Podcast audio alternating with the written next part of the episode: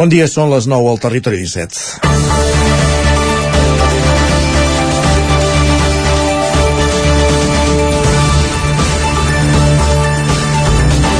El Ministeri de Transports, Mobilitat i Agenda Urbana ha fet públic aquest mes de desembre la resolució definitiva dels municipis que rebran ajudes per rehabilitar edificis públics a través dels fons Next Generation en una primera convocatòria.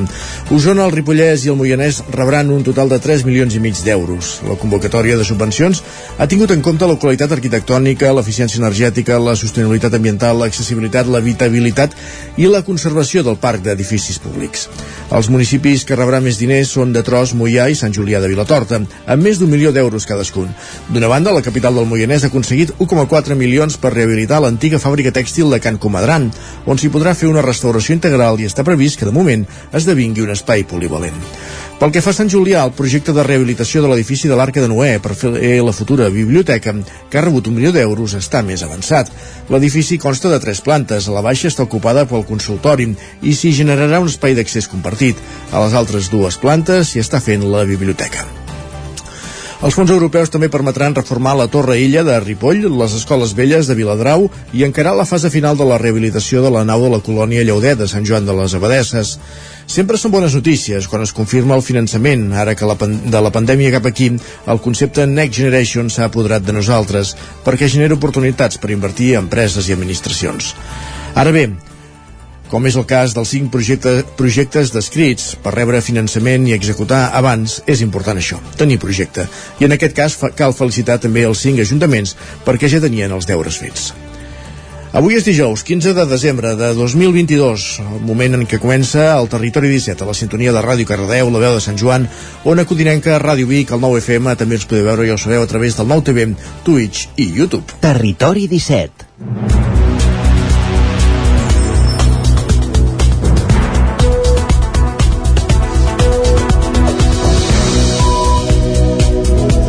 Passen dos minuts de les 9 del matí d'aquest dimecres plujós. 15 de desembre de 2022, plujós, amb pluja fina d'aquella que va fent durant aquest matí, però que, tal com ens explicarà d'aquí una estona, sembla en Pep Costa, es anirà, es anirà diluint al llarg de, del matí. Moment de començar, com dèiem, al Territori 17, que us acompanyarà durant dues hores fins a les 11, amb diverses ítems, amb diverses seccions, amb diversos continguts que us avancem tot seguit. Us avancem el menú d'un programa que comença, com cada dia, repassant les notícies més destacades de les nostres comarques, el Vallès Oriental, Osona, el Ripollès i el Moianès, fent un cop d'ull, com dèiem, a la previsió del temps amb Pepa Costa, des d'Ona Codinenca, i també un altre cop d'ull a les portades dels diaris del dia, anant al quiosc amb en Sergi Vives des del 9 FM. A partir de dos quarts de deu farem un tom amb tren, pujarem a l'R3 amb l'Isaac Muntades recollint les cròniques dels oferts usuaris de la línia i a l'entrevista tot seguit conversarem amb Xènia Cabanes i Miquel Pujades. Són la directora i el director de comunicació del Caganer Festimarket, aquest festival de Nadal, aquest mercat de Nadal que s'havia de fer durant tot el mes de desembre a Fulgaroles, però que en no obtenir els permisos per part de l'Ajuntament no ha pogut obrir les portes. Una setmana més, una setmana després d'haver de prendre aquesta decisió, d'haver d'assumir que no podrien obrir, conversarem amb ells per saber com han viscut tot aquest procés aquestes darreres setmanes, però com s'ha gestat també, com ha evolucionat eh, la gestió d'aquest Caganer Festimarket que ja avancem, que ens expliquen que té recorregut per anys, tenen intenció de continuar-lo fent eh, amb les condicions que, que requereixin en, les, en els propers anys. Això serà, com dèiem, a l'entrevista a partir de dos quarts de deu i després serà el moment d'anar a la plaça, a l'espai de nova economia que cada setmana ens porta la Maria López de Monza.cat i avui per parlar, alerta, de la publicitat, que això ens toca de prop.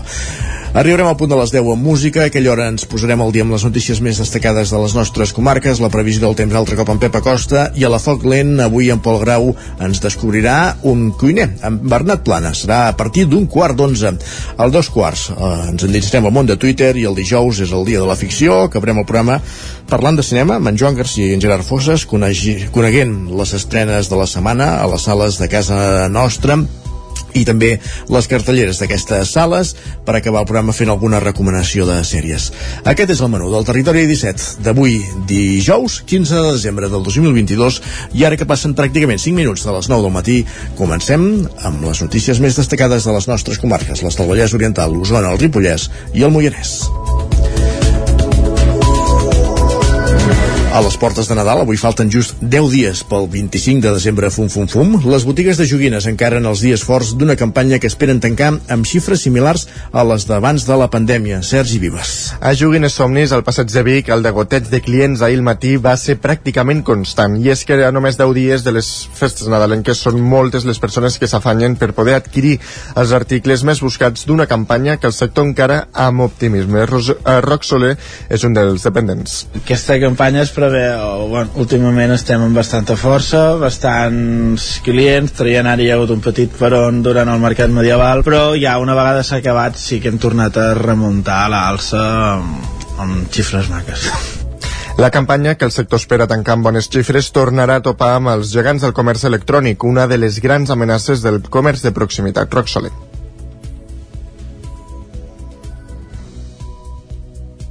És que el mercat d'Amazon i la venda online se'ns està menjant vius també o sigui, ha arribat al punt de fins i tot algun client que et digui gràcies per explicar-m'ho, ara ho compraré a Amazon a pocs metres de Joguines Somnis, a l'altra banda del passeig, el, el personal de Gargamel Joguines també encara els dies forts d'una campanya que esperen tancar amb xifres similars a les d'abans de la pandèmia. Miquel Molist és un dels treballadors. Va bastant bé, la veritat. Potser la gent fa una mica més de previsió respecte d'altres anys i, bueno, les perspectives són correctes sense, sense parlar amb els temps que estem no, no ens podem queixar un sector que també ha de fer front a l'encariment de preus. Des de Joguines Somnis i Gargamel apunten que aquest Nadal el tiquet mig podria rondar els 100 euros. Creiem que Torelló potser uns 80, 100 euros. De mitjana entre, diguem, 50 a 150 un sector que encara els dies clau de la temporada però que alerta, es reinventa contínuament i aposta per nous productes als 12 mesos de l'any. I continuem parlant de joguines, perquè Torelló acollirà aquest cap de setmana una nova edició, la quarta ja de la Fira Toca Fusta. Durant dos dies el centre del poble s'omplirà de parades i joguines de jocs de fusta i també d'activitats lúdiques, Sergi. Les joguines i els jocs de fusta seran el nou de nou l'epicentre de la Fira Toca Fusta de Torelló, que aquest dissabte i diumenge arriba a la quarta edició amb novetats. S'ampliarà l'oferta de jocs específics per a infants d'1 a 5 anys que s'ubicaran a la plaça Vella. Des de l'Ajuntament, l'alcalde Marçal Ortuño i el regidor de Cultura Xavi Lozano asseguren que la Fira, que posa en valor a una activitat econòmica que ha marcat la història de Torelló, s'ha consolidat.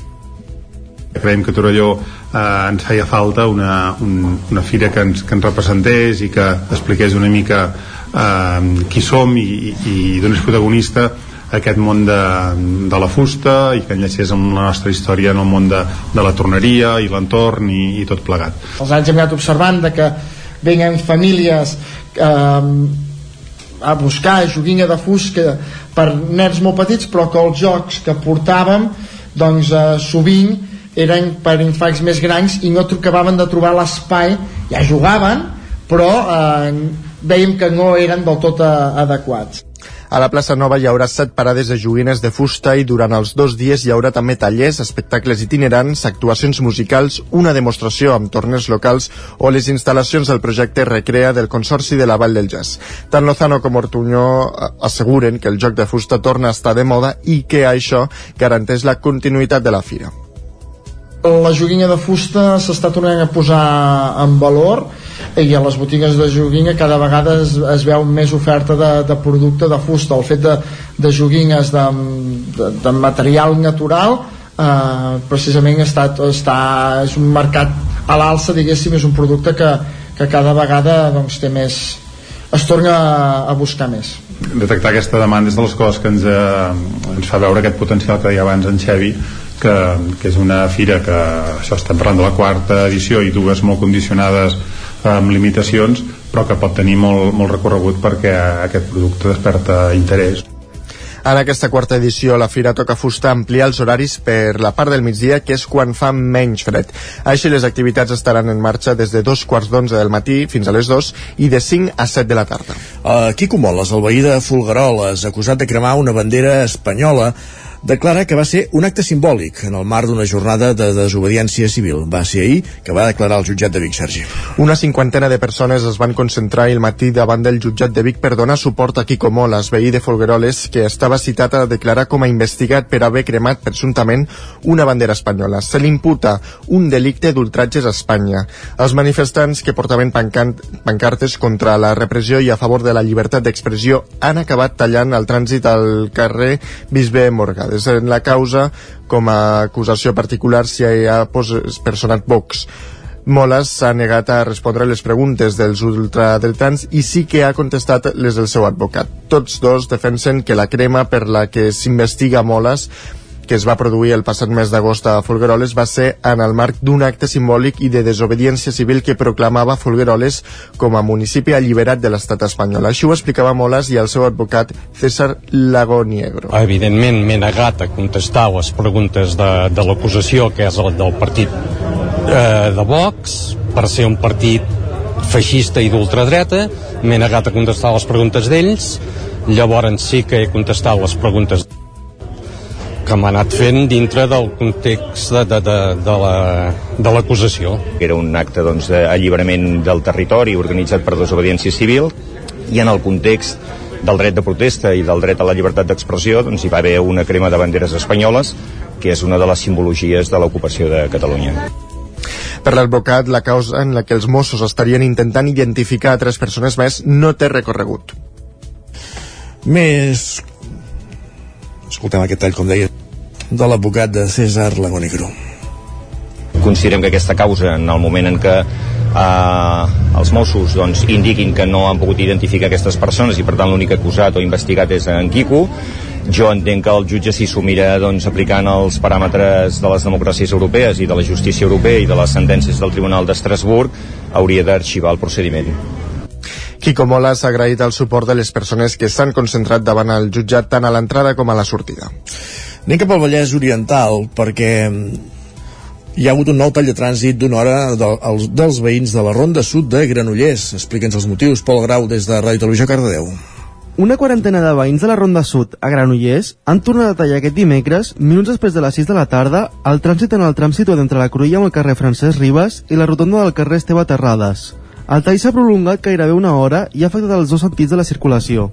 La policia local de Granollers ha col·locat les tanques per assegurar que cap vehicle entrava a la zona de la mobilització. A partir d'aquest moment, els veïns han ocupat la calçada i han anat fent passejades amunt i avall del tram tallat al trànsit. Entre els participants hi havia per segona vegada el regidor de mobilitat, Juan Manuel Segovia, els veïns reclamen que es proveixi el pas de camions per la Ronda Sud. També la instal·lació de mesures per controlar la velocitat, és a dir, radars. L'Ajuntament ha pres el Servei Català de Trànsit a la signatura del conveni que es va pactar i que preveu la prohibició del pas de vehicles de gran tonatge pel tram urbà de la Ronda Sud i per l'entrada de Granollers per la carretera del Masnou.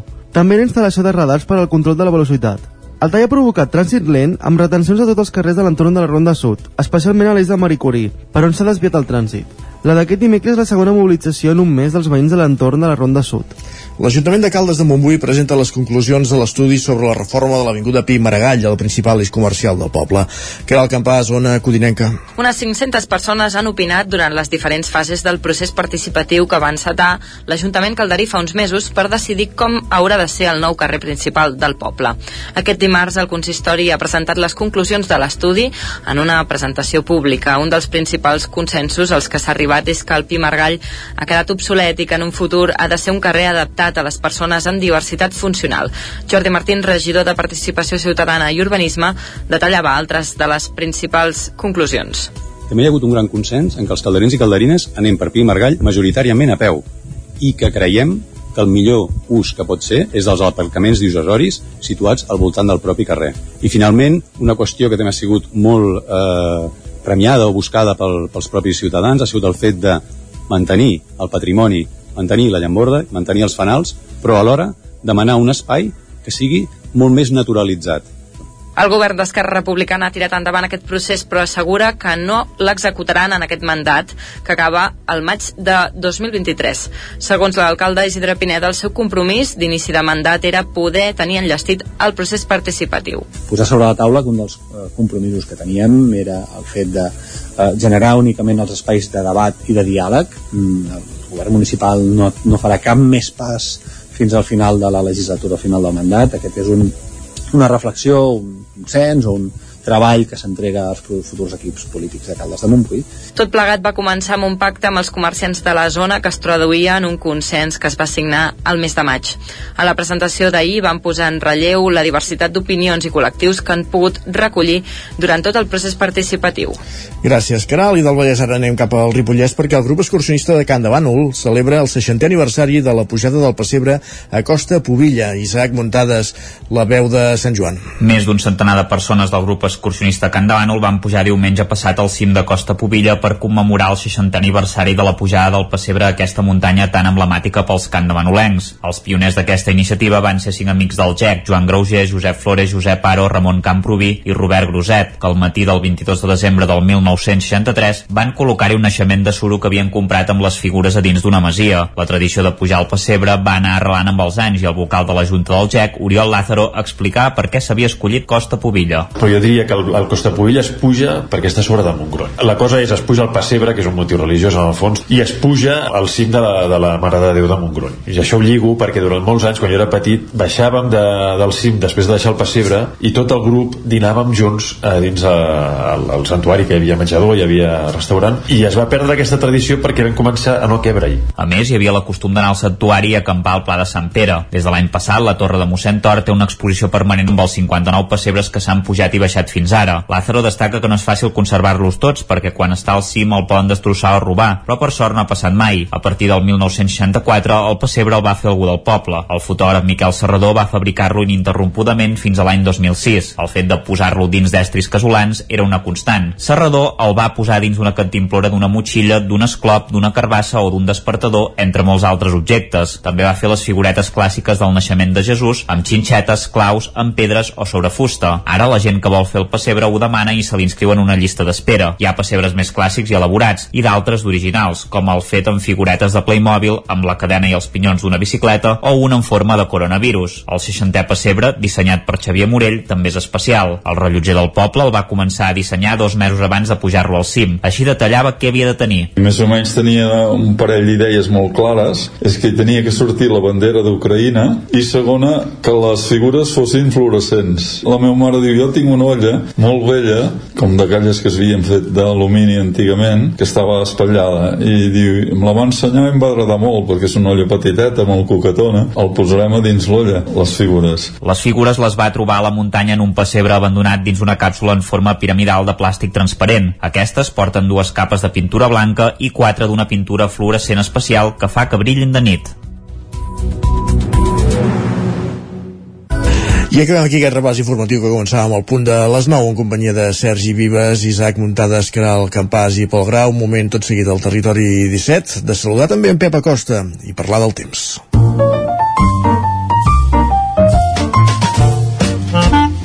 Casa Terradellos us ofereix el temps. En un matí de dijous, amb pluja generosa i, agraïda i benvinguda, si més no, a la plana de Vic. De fet, em sembla que en general les comarques del territori 17 volem saber com evolucionarà aquest front, aquest, un d'aquests tants fronts atlàntics que ens van acompanyant aquests dies. Pep, Pep Acosta, Ona Codinenca, bon dia.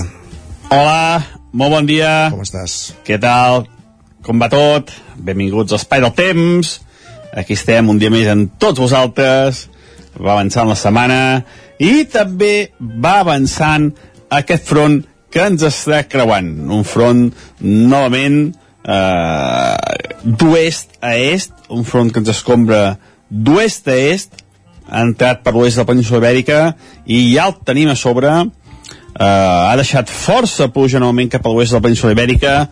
A casa nostra Uh, no gaires quantitats i és com sempre dic que aquests fronts de l'oest arriben una mica desgastats aquí a, a les nostres comarques, a les nostres poblacions. Uh, a les pròximes hores per això pot deixar alguna, alguna precipitació. La majoria de caràcter feble entre el 0 i els 5 litres. Ja veieu, ben poca cosa uh, aquests vents aquests uh, fronts de l'oest també ens van portar aquests vents um, d'oest, sud-oest, que no són gaire freds, avui les temperatures han baixat una mica respecte a ahir, però poc, la majoria de, de mínimes entre els 5 i els 10 graus, per tant, eh, força suaus, podien ser eh, molt més fredes, ja que ens trobem a, en els dies més freds de l'any, i podien, fer, podien ser bastant més fredes aquestes temperatures del que són eh, actualment. Eh, no, no, no fa gaire, gaire fred. A les nits, durant el dia, aquest matí, aquest front anirà marxant i mica en mica es aniran posant les clarianes, eh, tot i que no serà un dia assolellat ni molt menys. Les clarianes i els núvols es aniran eh, alternant i per tant no tenen un dia del tot assolellat. Les temperatures màximes molt semblants a les d'ahir, la majoria entre els 13 i els 16 graus. Eh, tampoc no farà ni de bon tros fred durant tot el dia. Unes temperatures força, força suaus. Els vents febles, de direcció oest, que mantindran, com deia, eh, ja fa molts dies aquesta temperatura bastant, bastant suau. De cada pròxims dies, sembla que aquesta injecció de, de fronts de l'oest es talla bastant i no se'n preveuen gaire, gaire més. Eh, vull dir que de moment no tindrem eh, moltes, moltes pluges. L'estabilitat eh, serà la protagonista durant tot el cap de setmana. Però demà ho acabem d'afinar eh, i direm tots els matisos. Moltes gràcies, adeu. Importants matisos, com per exemple la possible baixada de temperatures, però en parlarem demà i més tard, de fet, d'aquí una estona que tornem a saludar Pep. Va, fins ara. Casa Tarradellas us ha ofert aquest espai. I ara mateix, quan passen 21 minuts de les 9 del matí, és moment d'anar al quiosc.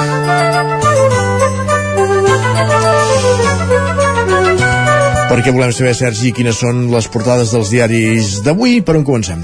Doncs mira, comencem pel punt avui, que encapçala la portada amb el titular La dreta va per totes. Expliquen que el Constitucional debat si suspèn les esmenes al Codi Penal per poder, pel Poder Judicial.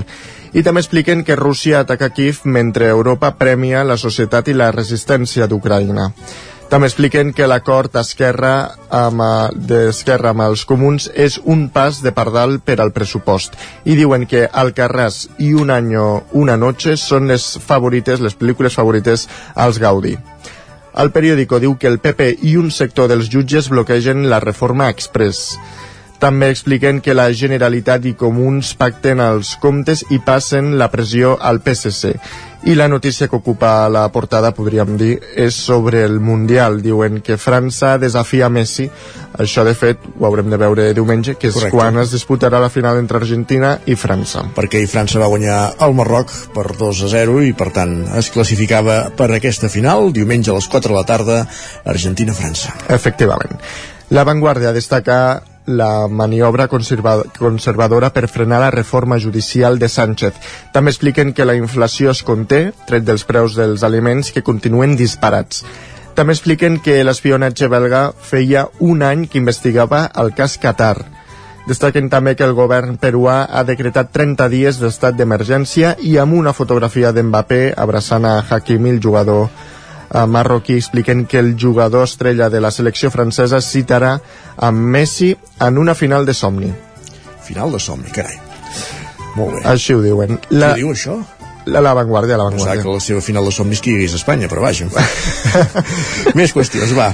Uh, Lara destaca que Esquerra i els comuns pacten el pressupost a l'espera del PSC. També expliquen que un de quatre adolescents catalans s'ha autolesionat almenys un cop a la seva vida. També diuen que el PP atia un xoc inèdit entre el Congrés i el Tribunal Constitucional per frenar Sánchez i també expliquen que el Parlament aprova la primera llei de la ciència amb un ampli consens.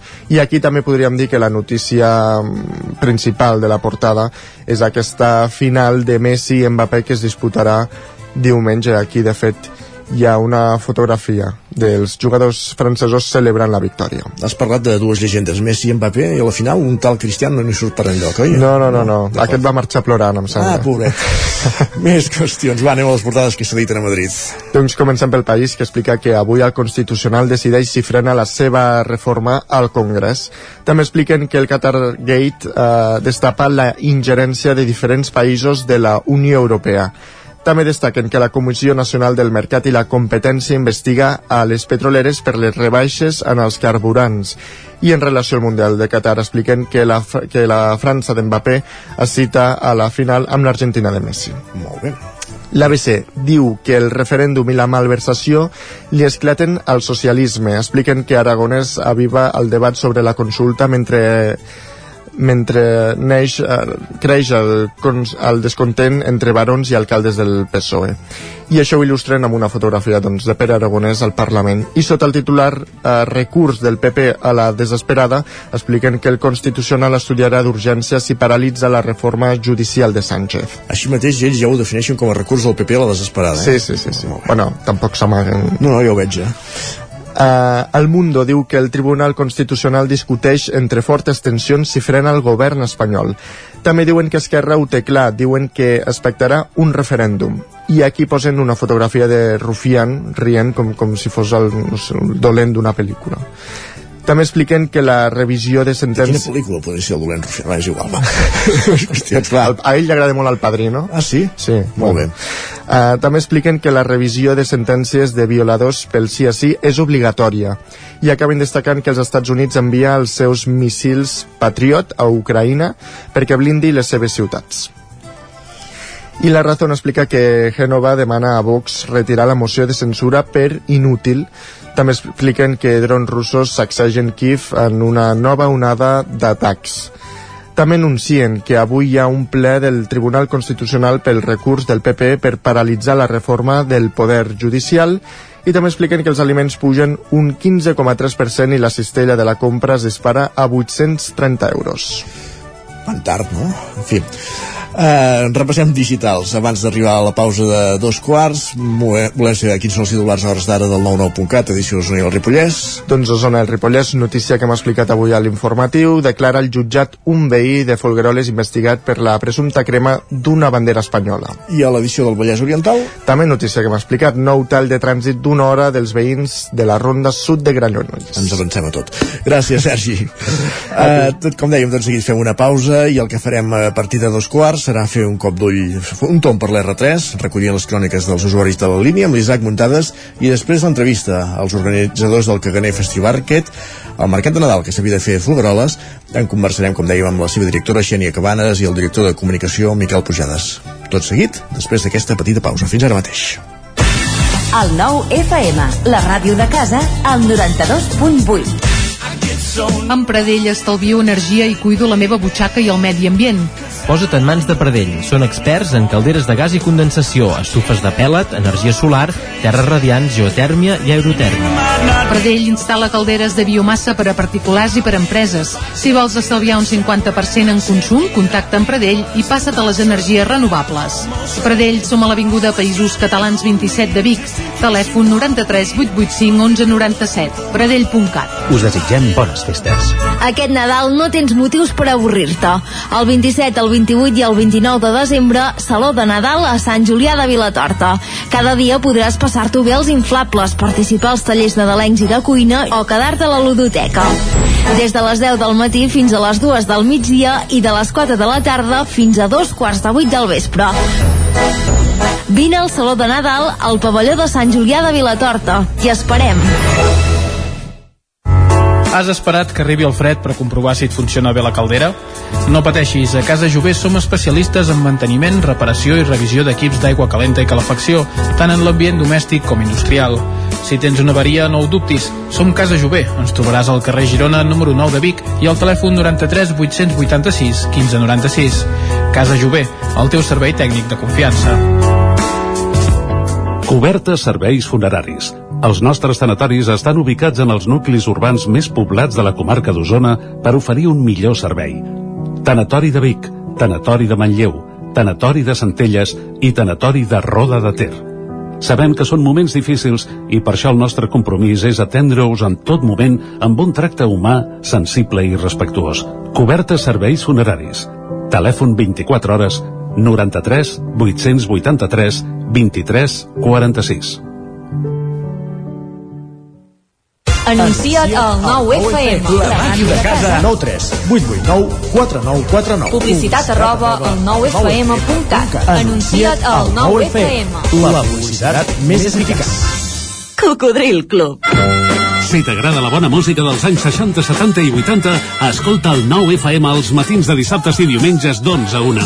És el temps del Cocodril Club, tot un clàssic de la ràdio, amb les bases del pop-rock, les llegendes, les cançons que s'han convertit en autèntics himnes. Recorda, dissabtes i diumenges al matí, d'11 a 1, al 9 FM 92.8. Cocodril Club, el programa revival de l'Albert Malla. Hasta luego, cocodrilo. El 9 FM, el 9 FM, el 9 FM, el 9 FM, el 9 FM.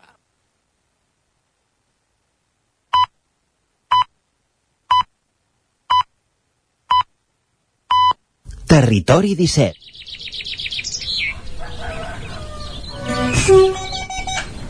A Tren d'Alba. Cada dia els usuaris i usuàries de la línia R3 de Rodalies que veuen sortir el sol des d'un vagó ens expliquen les gràcies i les penes del primer comboi que uneix Ripoll i Barcelona o les feixugues jornades amb el tren després de treballar. Benvinguts a Tren d'Alba. Us deixo amb en Carles directament avui, perquè és tan dramàtic el que va passar l'altre dia tornant de Barcelona que aviat n'haurà d'escriure un llibre sencer, o una trilogia o un decàleg, perquè seria impossible comptabilitzar totes les anècdotes i incidències que ha patit el tren al llarg de la seva història. Bon dia i bon tren. Aquesta setmana, que en principi havia de ser una bona setmana per tots aquells que viatgem en tren, ja que no és habitual tenir bones notícies, i aquesta en teníem una de bona. Es havia inaugurat l'estació de Sant Andreu, i en el cas dels viatgers de la Rodalies 3, malgrat que aquesta estació doncs, directament no ens afectava, sí que ens afectava indirectament, perquè el tall de la línia que suposava el brancal cap a Granollers, el ser no operatiu, ens comportava que molts viatgers vinguessin cap a la Rodalies 3, cap a les estacions més pròximes que tenen sobretot la gent de Vallès Oriental, per eh, precisament pujar als nostres trens, eh, els nostres entre cometes. Això el que acabava suposant és encara més massificats els nostres trens i eh, viatjar com allò que es diu, no? viatjar com anxoves. Doncs bé, en una setmana en el qual aquesta era una gran notícia, inauguraves una nova estació i en el nostre cas aquestes afectacions passaven,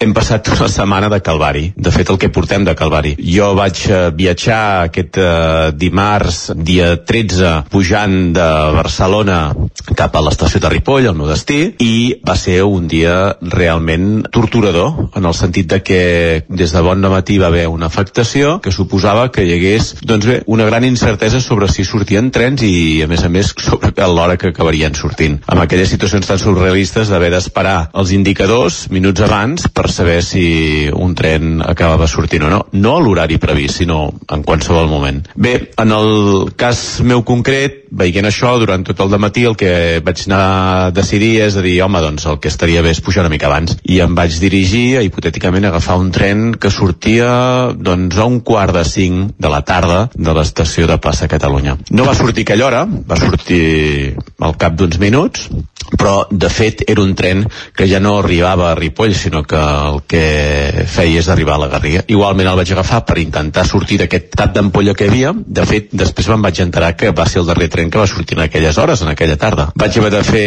una parada d'aproximadament tres quarts d'hora a Granollers Canovelles per esperar un següent tren que pugés fins a Ripoll. Total, el resum dels resums és trajecte Barcelona, plaça Catalunya fins a Ripoll a 3 hores 55 minuts. Això d'un dia normal, d'un viatger normal de Rodalies 3 normal. Adéu-siau, bon dia i bon tren.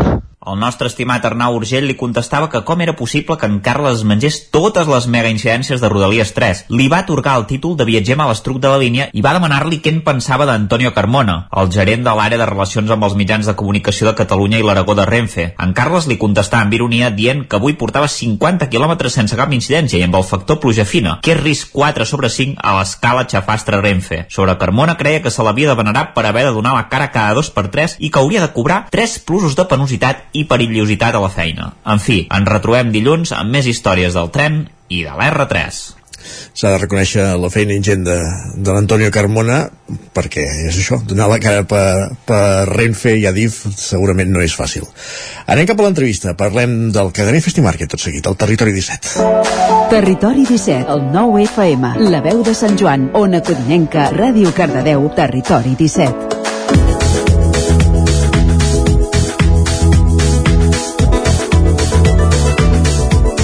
Divendres els avançàvem la decisió de l'organització del Caganer Festi Market, aquest festival de Nadal que s'havia de fer a, a Folgueroles, que no tiraven endavant, que no obrien les portes després de la denegació de permisos per part de l'Ajuntament de, de Folgueroles.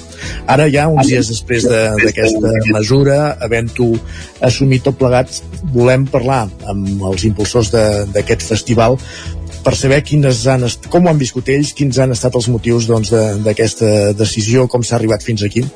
Per això ens acompanyen la Xèvnia Cabanes, que és la directora de, del festival, del Caganer Festi Market, i també a Miquel Pujades, que és el director de comunicació de, del mateix festival. Benvinguts tots dos, bon dia. Bon dia. Bon dia, moltes gràcies. Primer de tot, ens agradaria començar pel final, no? Eh, el fet aquest, que hi ha hagut aquest impàs d'aquesta setmana, eh, 24 hores abans d'obrir coneixeu la primera decisió de l'Ajuntament de Folgueroles de denegar-vos el, el permís, vau presentar el recurs de reposició i aquest recurs també va ser tombat i era divendres que dijous que anunciàveu que no obriríeu la, les portes no teníeu més alternativa no podia ser d'altra manera, oi? davant d'aquesta de la posició de l'Ajuntament Bueno, evidentment eh, sempre hem, hem treballat amb, amb els termes de la legalitat i en els termes de fer les coses bé i per tant seguirem sempre així eh, perquè darrere hi ha un equip de professionals i no entenem una altra via o sigui, la via de l'entesa la via de les coses ben fetes uh -huh. el, per tant, ens ha portat en aquest lloc, saps? Uh -huh. La qüestió és, però, com, com s'arriba fins aquí? Comencem pel principi, si us sembla. Eh, en quin moment es planteja fer aquest festival? Per què en aquest lloc? I quin és el primer contacte que es fa amb l'Ajuntament de Folgueroles? La idea d'aquest festival, bueno, més que festival, és un mercat de Nadal. Ja feia entre dos i tres anys que rondava pel cap i, i bueno, aquest any ens vam decidir llançar. Um, el primer cop que vam anar a l'Ajuntament pues, vam explicar el projecte, ens van dir que cap problema, que tot, bueno, que, que ja aniríem veient i, i bueno, sí, vam anar, no ens van dir res al per situar-nos a nivell del marc temporal, estem parlant del juny, es va presentar l'avantprojecte, juny d'aquest any. Va? Sí. I després, l'agost, eh, nosaltres vam demanar permís per perimetrar tot el, tot el recinte per, perquè eh, l'Ajuntament ja era ja vam entrar una mica al projecte, o sigui el Festimarket sí. i l'Ajuntament ens, va, ens va donar autorització per perimetrar-ho i vam pagar les taxes corresponents.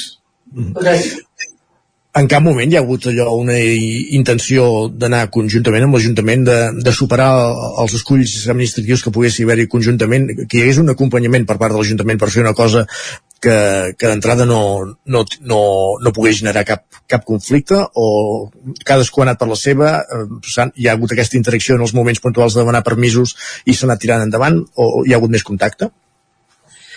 Bueno, la nostra intenció sempre ha sigut anar pues, acompanyats de l'Ajuntament i de, de tothom qui ens recolzés, no? Però des del moment en què entres en un Ajuntament i que et diuen que de tema papers permisos et donaran el que faci falta, però el cor no li posaran, això ja et demostra que aquell ajuntament no et donarà ajuda per res. I en quin moment és quan us diuen que el cor no li posaran?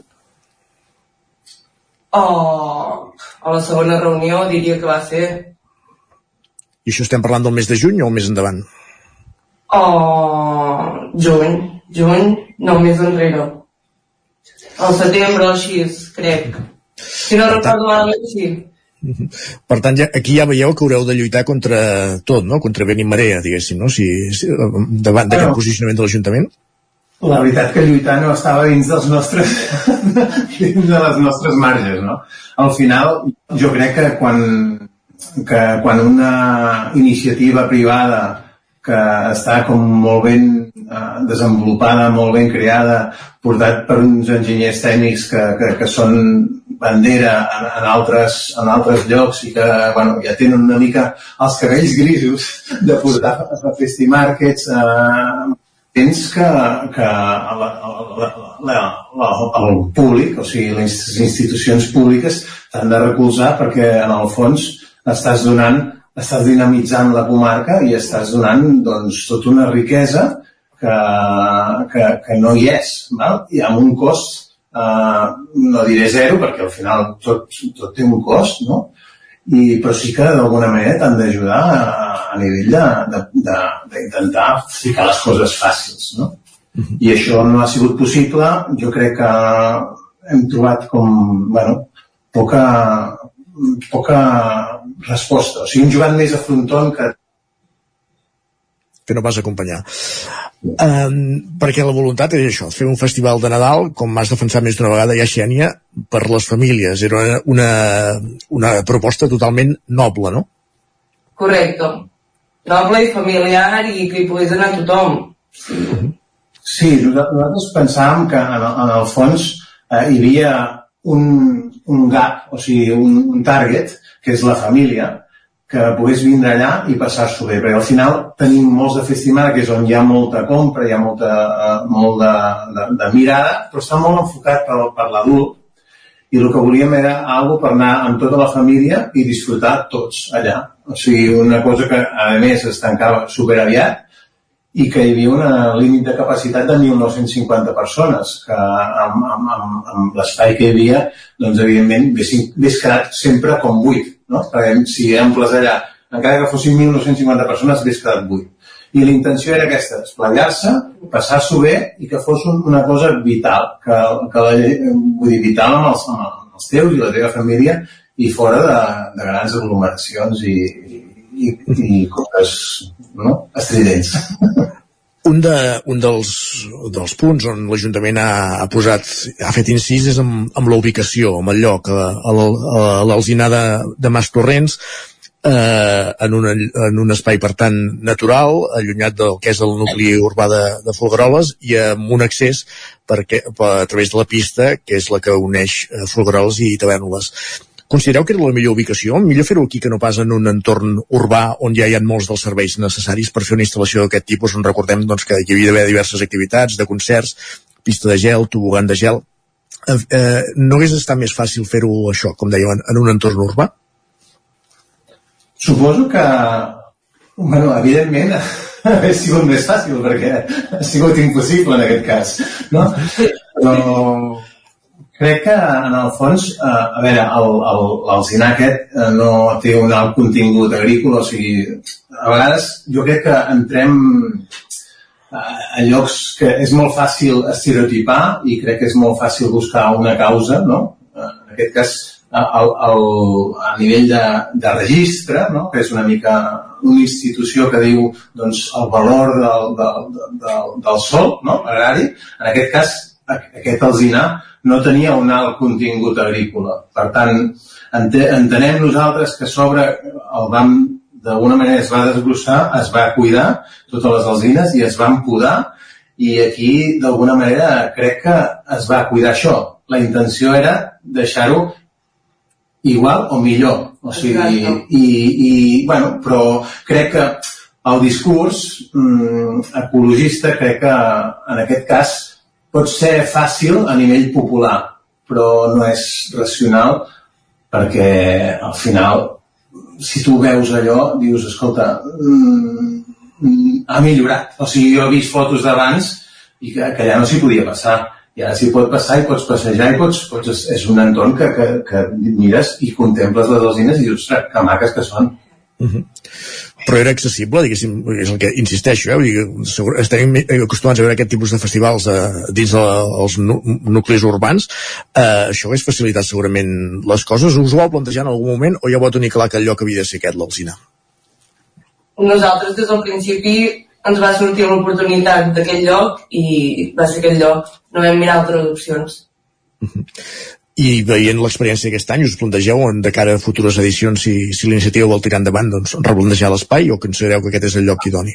Bueno, evidentment nosaltres ara l'any que ve el, el volem fer o sigui, el farem en el millor lloc i on ens estimin i on realment ens promocionin mm, no volem ni que ens posin pals a les rodes ni, ni entrar en un, en un, en un atzucat que no és bo ni per, bueno, evidentment per nosaltres zero, però tampoc per la, la, la, la, la institució que al final divideix una mica el poble i, i nosaltres quan no volem és cap mena de, de, de merder. O sigui, al contrari, ens allunyem d'aquest tema.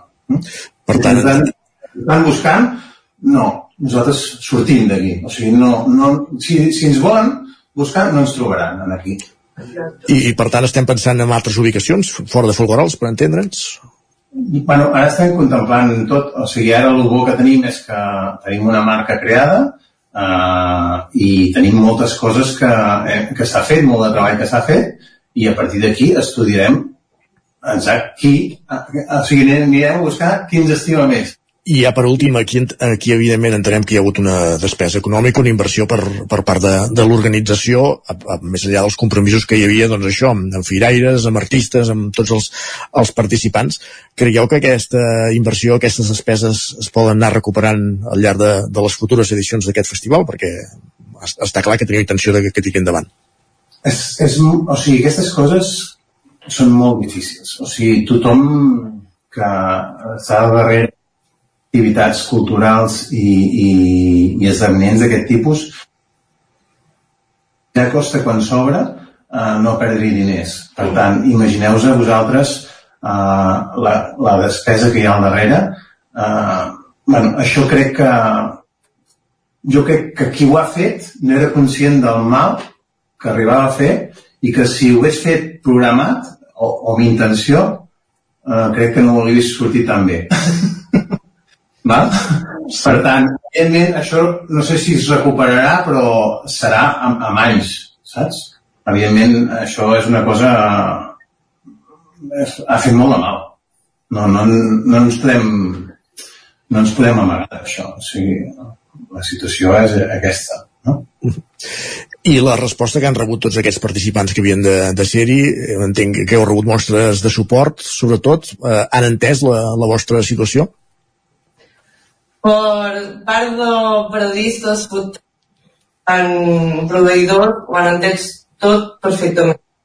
No hem tingut cap mena de problema en aquest sentit perquè tot ho han entès perfectament um, i bueno, nosaltres ens, ens sentim molt recolzats en aquest sentit perquè ja s'ha fet molt mal i, i bueno, la gent, nosaltres, la gent ens apoya creu molt en el projecte, nosaltres també hi creiem i, i bueno, que això va, és, és una idea feta per passar-ho bé, no, no per anar a fer malbé res ni mal a ningú. Doncs Xènia Cabanes, Miquel Pujades, directora i director de comunicació d'aquest Caganer Festimarket, que aquest any finalment no s'ha pogut fer a, a Folgueroles. Ens heu deixat clar que, que teniu intenció de, de replantejar-ho o de, de plantejar-ho de nou de cara a, a futures edicions. Gràcies per ser avui aquí, per explicar-vos com ha anat tot aquest procés i sort i encerts. Gràcies. Moltes gràcies.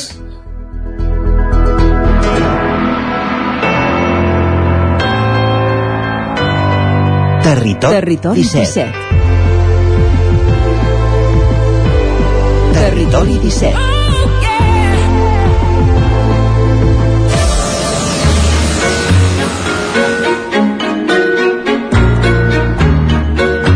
3 minuts gairebé que passen de 3 quarts de 10 del matí i el que fem al territori 17 és anar cap a la plaça, l'espai de nova economia que cada setmana ens acosten la Maria López i 11.cat i avui per parlar de publicitat.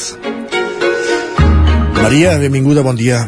Bon dia i benvinguts a la plaça, aquest espai de carrer on ens trobem per parlar de nova economia en confiança i en un idioma comprensible per tothom. I avui, tal com ens anunciava la Gemma la setmana passada, rescatem un tema que sempre dona molt de sí, i és que podríem dir que és un dels motors que fa moure el consumisme d'una manera més clara, perquè avui volem parlar de publicitat.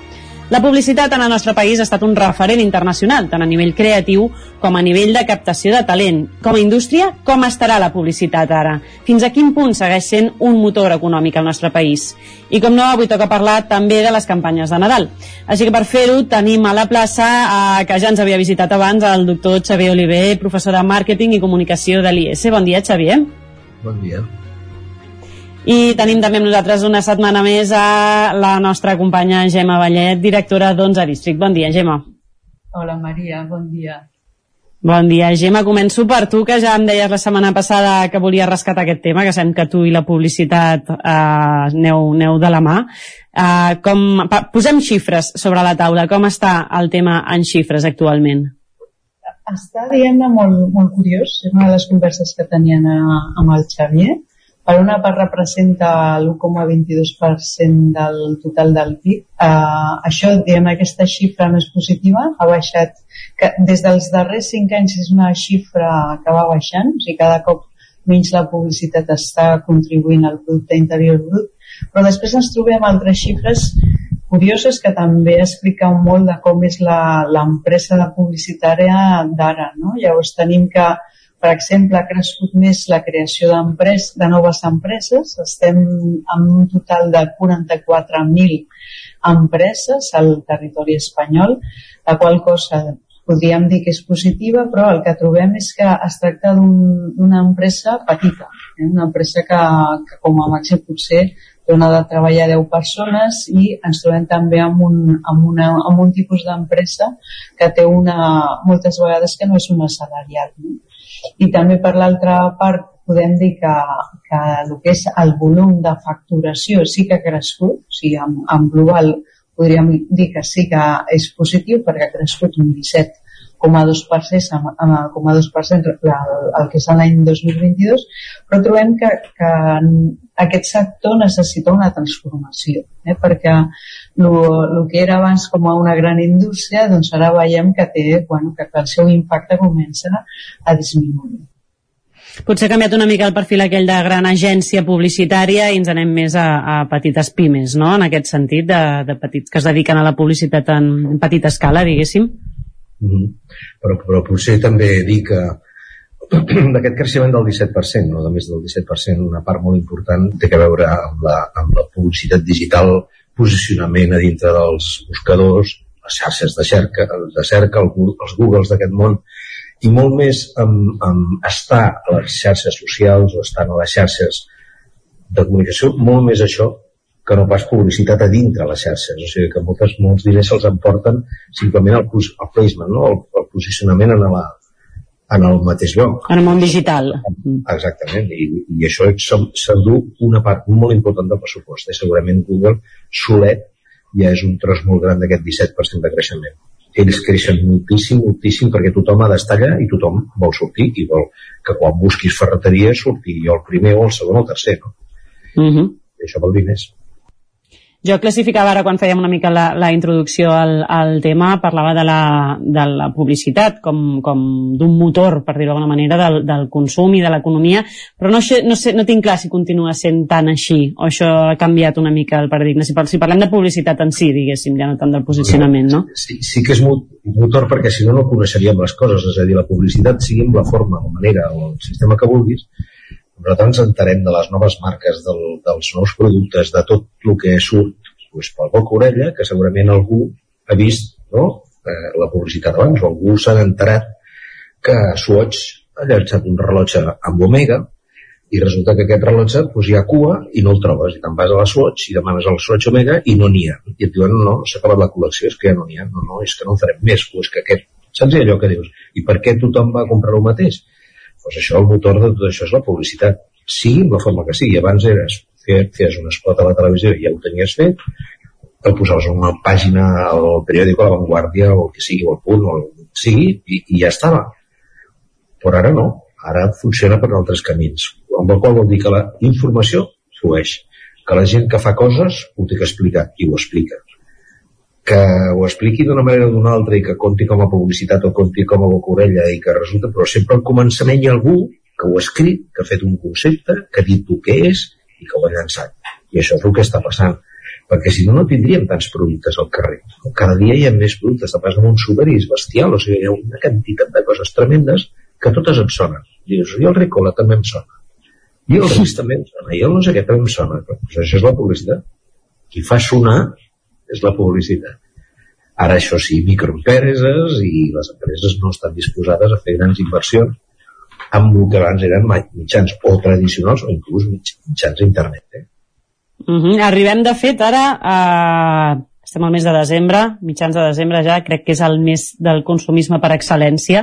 Uh, crec jo, igual ara em diré algun altre ja amb els seus motius, no? però està clar que al desembre tothom ha de passar per les compres i, evidentment, la publicitat uh, juga un paper molt important aquí.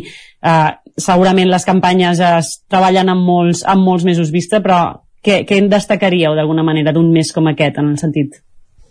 Mira, a veure, eh, jo et diria dues coses, no? Una és les novetats, ja acabo de citar és un rellotge que és una novetat i que hi ha bufetades per fer cua, i a més es convertirà en un objecte de, de, de, de, de trofeig i de tindre i de, i de emmagatzemar però o sigui que les novetats funcionen i les, les novetats funcionen perquè molta de la gent de la que estem parlant, d'aquests consumistes, ja ho tenim tot. O sigui, ja no ens cal res, no necessitem una, una samarreta ni un jersei coll rodó, tampoc en necessitem ja, ja en tenim no? Ara veig un color que és un blau elèctric francès, no sé què, i llavors, mira, aquest no el tinc, va, doncs eh, aquest, com si fossin cromos els nens petits al col·le. llavors, la novetat té una part molt important i això es veu en la moda, per exemple, doncs les botigues aquestes de moda ràpida, no? Mm, tots aquests viuen de la novetat ara i després molts productes, o sigui, te'n vas a una botiga de, de regals i que escolleixes doncs, un clauer que té no sé què i que està fet d'una manera determinada i que, o sigui, que, que hi ha, un, hi ha una, una, una novetat que sempre s'expressa, no? Després, clar, el, la segona part és eh, com venc el producte que ja està llançat, eh? el torró de Xixona com el venc. Mm -hmm. Com venc eh, el cotxe que la marca ja me la sé si no tinc res nou, o com venc, o com compro, no? o com vaig a comprar qualsevol producte que sigui, que sigui conegut, no? Llavors aquí el que estem veient és que la tendència està claríssimament o claríssimament el que més notori és és que la gent no ho mira el més notori és que no ho miren i si ho miren és perquè et fa caure la llàgrima o et fa riure és a dir que crec que la tendència que ja es va marcar fa uns anys i que vam veure tots amb la campanya de la ONCE i del Manuel i l'Antonio, aquella que va marcar un abans i després de la comunicació aquesta de Nadal i de tot, i ara veus pues, que els torrons ploren, el, el, com es diu, el McDonald's Foundation et fa plorar, el nen pobre, que no sé què, que no sé quantes... Que Us va tocar la fibra, no?, aquesta època. Estem tots més sensibles, potser, també, no? Bueno, però abans no ho fèiem tant, abans fèiem més bombolles Freixenet, te'n recordes, no?, que ballaven i era més festival. Sí, les, sí, les bombolles del Freixenet, no? Bueno, doncs, per exemple, i el, i el Riu també feien uns spots molt, molt espectaculars de Catalunya des de l'aire, el no sé què, no sé quantos. Sí. No tenia res a veure amb moure la sensibilitat de la plorera. La plorera. M'ha sorprès molt, per exemple, la del, la del que han tret a la Pernada, no sé si era el Soberano o el, o el JB, però que sortia un, el JB. És de les que més m'ha sorprès, ja, a més a més d'anar a tocar la, la fibra, doncs posar sobre la taula valors que segurament la gent eh, no vinculava en aquest producte, eh, però ni de lluny. Tant, i tant, i tant. Però amb això està, no? Són dos nivells. Per sobre del, del nivell de vendre el més producte n'hi ha dos. Una que són les emocions i l'altra que és la ideologia. No? I marques que es volen, volen eh, emparar o que creuen no sé, el que sigui, eh? vull dir, la, la igualtat de la dona, doncs creuen amb la igualtat de la dona i allà van a saco, Paco, i dius, i què té que veure el teu amb la igualtat de la dona? I tu diries res, eh? perquè estic venent, en aquest cas, un alcohol, però, però podria ser un altre producte, no?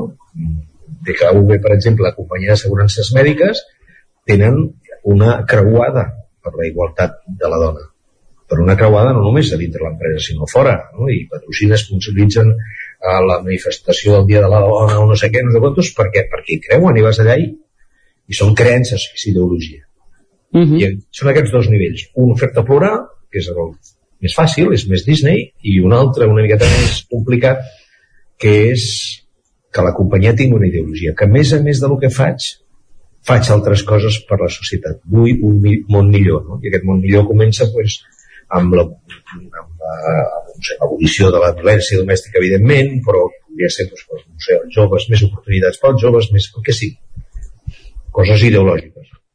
A més, ara que hi ha també aquests anuncis més, els que dèiem, no, de llagrimeta de Nadal, que més són quasi historietes, són, són molt, són curtmetratge, quasi, no? I ja no és...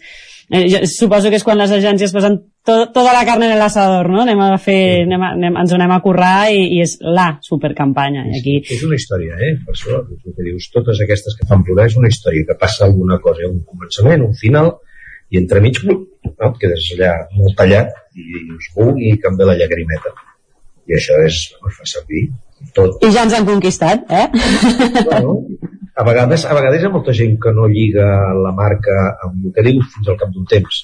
Aquest uh -huh. és molt més llarg que l'altre. Si jo dic, tinc un cotxe elèctric 100%, la meva marca és Renault, com ha pensat ara, no? un cotxe, i diuen és 100% Renault, 100% elèctric, doncs ja et queda, ui, ja ho tens gravat, per què? Perquè és que tots, les carpetes estan totes organitzades al cap, obres la de Renault i ja et surt això, no? Però, en canvi, hi ha marques que fan aquest tipus de comunicació que costa més temps de que la cosa es vegi. Saps que, que, que, que ho has de veure tres o quatre o cinc vegades o, i al final dius, hòstia, què diu? Què estan fent? estan fent molt bé aquests, eh? Ostres, aquests són burranes, són estupendos, quina gent més maca. M'encantaria treballar en aquesta empresa. Llavors comencem bé. Aquí és quan comença, però necessites més temps. I per això molta gent es resisteix, no? I, i, i posa molta influència en la innovació, el nou, el nou, nou, nou, nou, que tinc més lineal, que no sé què, i comencem a fer números. És més fàcil això que no pas tindre una ideologia o fer plorar la gent. Doncs amb aquesta aposta que han de fer les, les empreses també per, la, per les campanyes de Nadal, acabem la plaça d'avui. Xavier i Gemma, moltíssimes gràcies per acompanyar-nos una setmana més aquí en aquesta tertúlia econòmica i de tendències, així que moltíssimes gràcies i ja sabeu on teniu casa vostra. Gràcies. Gràcies. gràcies.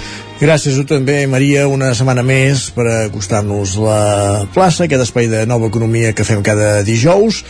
Amb ells, amb vosaltres, hem arribat al punt de les 10, pràcticament de fet en passa un minut, moment de posar-nos al dia, d'actualitzar-nos al Territori 17. Territori 17.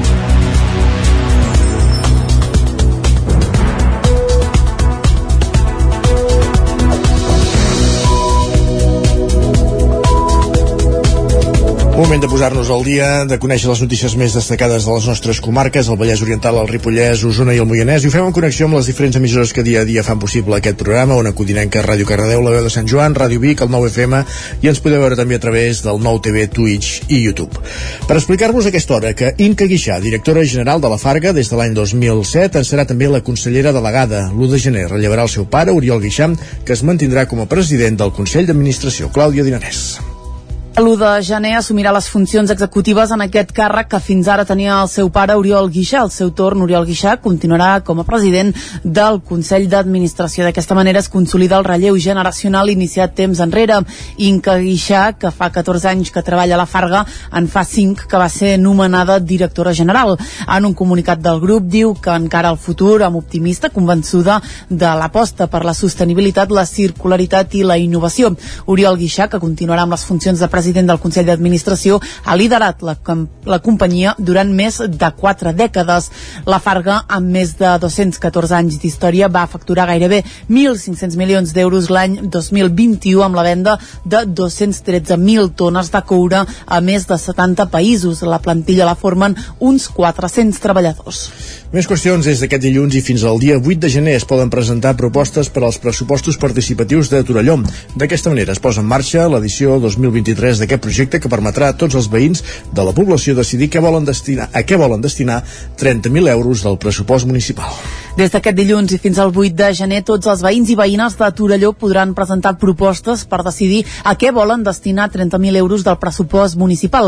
En aquesta primera fase s'ha distribuït un tríptic informatiu a totes les llars de Torelló i com a novetat d'enguany ho explicava Jordi Rossell, regidor de Junts per Catalunya, al mercat ambulant de dimecres i dissabte a la Fira Toca Fusta hi haurà informadors de carrer amb l'objectiu de fomentar i facilitar la participació. Al carrer doncs, eh, hi haurà equips que estaran eh, al carrer i que explicaran el procés participatiu com funciona i també es podrà recollir propostes a, a peu de carrer Per cert que aquí escoltàvem fa un moment és Jordi Casanova de la CUP i no pas uh, Jordi Rossell de Junts per, Catalu per Catalunya. Les propostes es poden uh, presentar, uh, com dèiem, a títol particular o com a entitat amb unes condicions uh, generals i es poden fer telemàticament mitjançant la plataforma Decidim a l'adreça participació.torelló.cat o bé dipositant la butlleta que conté el tríptic informatiu a les cinc bústies de recollida situades a les oficines d'atenció ciutadana de l'Espona i la carrera al pavelló al Torelló Jove, a la Biblioteca dos Rius i al Casal Cívic. Un cop s'hagin recollit les propostes, explica Roser Roma, regidora del PSC,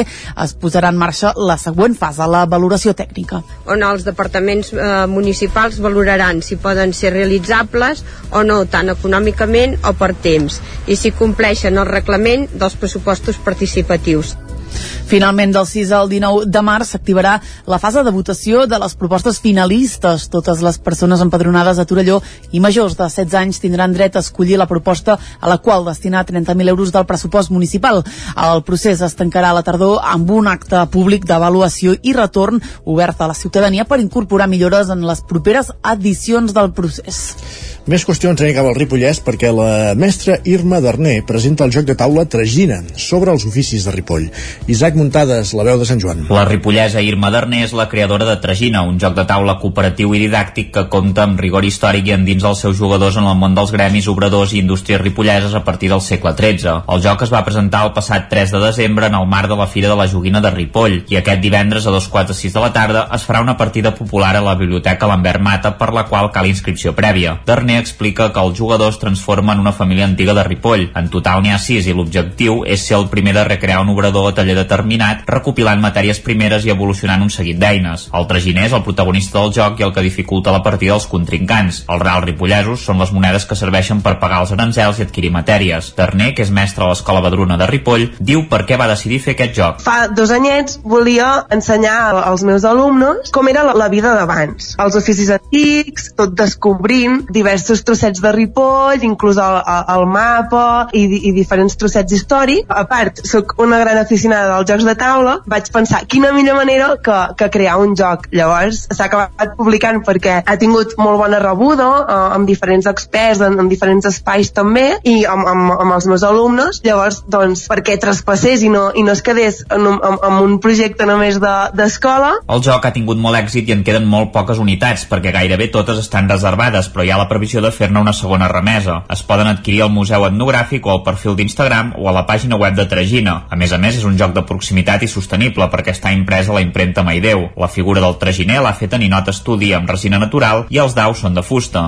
També és un joc en què s'hi veuen les diferències entre la nostra època i el passat per ensenyar-ho als nens. A les cartes de personatges que són oficis, 30 oficis representats. Va molt bé a l'aula també perquè ells mateixos se n'adonen, no? I em diuen, Irmo, però si tots són homes, com és això, no?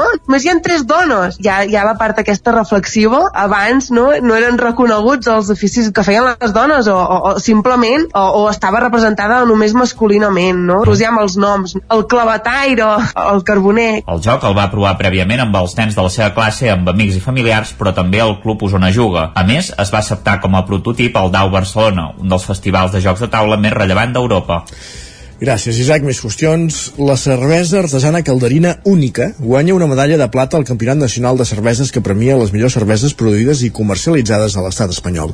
Caral Campà, zona codinenca. La cervesa calderina única està de celebració aquests dies. Recentment, en el Campionat Nacional de Cerveses 2022, que ha comptat amb la participació de cervesers d'arreu de l'estat i ha estat organitzat per l'Associació Cultural per la Difusió de la Cervesa Artesana, ha premiat la seva variant única doble, una cervesa lager d'origen alemany elaborada amb doble de malta. Aquest guardó rebut a les portes dels àpats de Nadal suposarà un increment de vendes per a la marca que aprofitarà per donar-se a conèixer en aquestes dates. La marca única va néixer a Caldes de Montbui i ha anat acumulant experiència en el sector de les cerveses artesanes, fet que, a banda d'aquest darrer premi, li ha valgut diversos guardons a nivell internacional. Aquesta cervesa es pot adquirir en diferents cellers, botigues especialitzades en begudes alcohòliques o en restaurants tant de Caldes com de pobles de la rodalia. Gràcies, Caral. Tornem a Osona. L'escriptor i dramaturg biguetà Gerard Guix guanya la 49a edició del Premi Joaquim Ruïra de Narrativa Juvenil, Clàudia. És un dels guardons que es lliuraven aquest dimarts al vespre a la nit de Santa Llúcia, la festa de les lletres catalanes que organitza Òmnium Cultural i que es feia al Teatre Nacional de Catalunya a Barcelona. Guix ha obtingut el premi amb l'obra Un far a la fi del món, on adopta el punt de vista d'un jove que es veu obligat amb tota la família a acompanyar el pare a una illa remota on ha de reformar un far. Guix demanava en el seu discurs suport a la literatura i al teatre en català. Els que també ens dediquem a la literatura juvenil estem mal acostumats a ser tractats com el germà petit a qui quasi ningú li fa mai cas. Els que, a més, som dramaturgs, en companyies petites que estrenem en teatres petits, sense ajudes públiques, sense ajudes, de fet, estem mal acostumats a remar contracorrent. Els que, a més a més, ens dediquem a la formació dels autors i les autores del futur a l'Escola d'Escriptura de l'Ateneu Barcelonès, una de les més prestigioses d'Europa, darrerament ens hem mal acostumat a invertir molt temps exigint uns trets fonamentals necessaris pel professorat el premi principal al Sant Jordi el va guanyar Gemma Ruiz Palà amb la novel·la Les nostres mares. I a la pàgina esportiva us expliquem que el pilot usonenc de Manlleuenc, Gerard Ferrés, disputarà a partir del 31 de desembre el seu 16è Dakar. Com l'any passat ho farà el volant d'un bugui de l'equip Sud Racing Canam i amb Diego Ortega de copilot.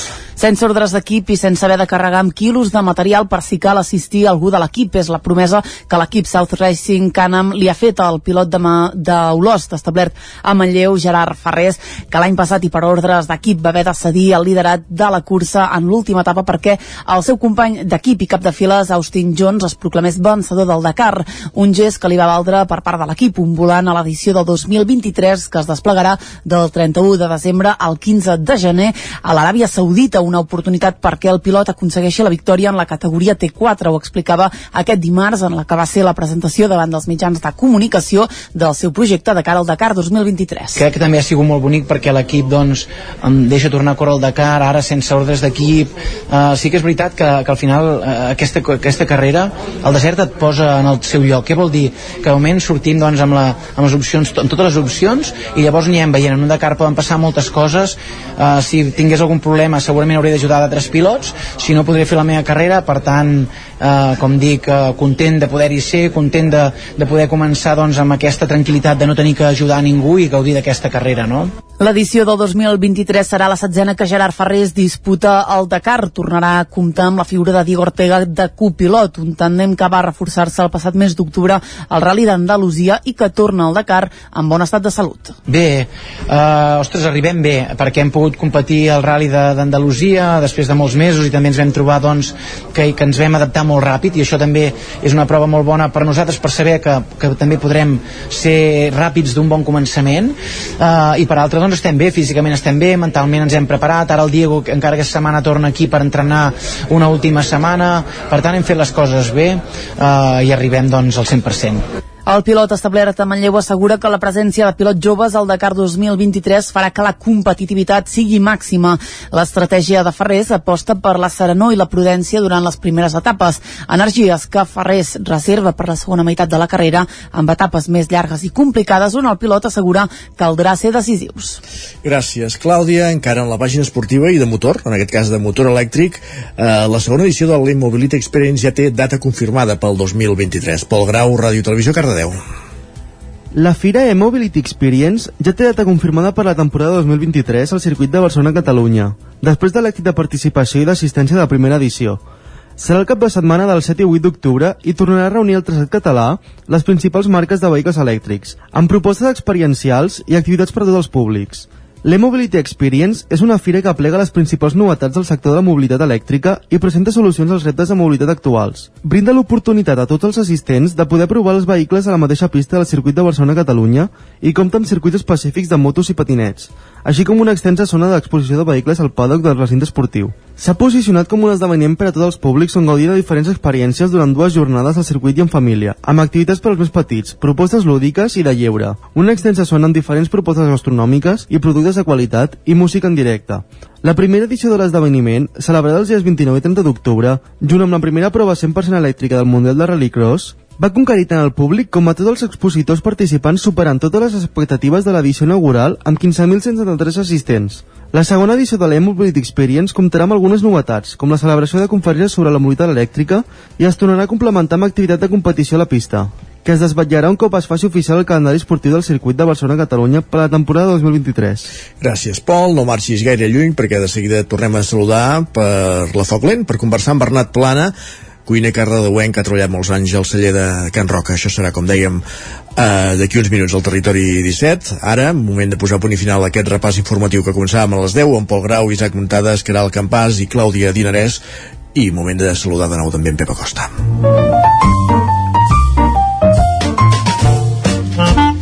Casa Terradellos us ofereix el temps. perquè volem saber quin temps farà avui, si continuarà aquesta pluja que de fet ja ha mainat a molts punts, si hi tornarà, si no, Pepa Costa, Ona Codinenca, bon dia. Hola, molt bon dia. Va avançant aquest front que ens està creuant. Un front novament eh, d'oest a est, un front que ens escombra d'oest a est, ha entrat per l'oest de la península ibèrica i ja el tenim a sobre eh, ha deixat força pluja novament cap a l'oest de la península ibèrica. A casa nostra eh, no gaires quantitats i és que com sempre dic aquests fronts de l'oest arriben una mica desgastats aquí a, a les nostres comarques, a les nostres poblacions. Eh, a les pròximes hores per això pot deixar alguna, alguna precipitació. La majoria de caràcter feble entre el 0 i els 5 litres. Ja veieu, ben poca cosa uh, aquests vents, aquests uh, fronts a oest també ens van portant aquests vents uh, d'oest, sud-oest, que no són gaire freds. Avui les temperatures han baixat una mica respecte a ahir, però poc, la majoria de, de mínimes entre els 5 i els 10 graus, per tant, eh, força suaus, podien ser eh, molt més fredes, ja que ens trobem a, en els dies més freds de l'any, i podien, fer, podien ser bastant més fredes aquestes temperatures del que són eh, actualment. Eh, no, no, no fa gaire, gaire fred. A les nits, durant el dia, aquest matí, aquest front anirà marxant i mica en mica es aniran posant les clarianes, eh, tot i que no serà un dia assolellat ni molt menys. Les clarianes i els núvols es aniran eh, alternant i per tant no tindrem un dia del tot assolellat. Les temperatures màximes molt semblants a les d'ahir, la majoria entre els 13 i els 16 graus.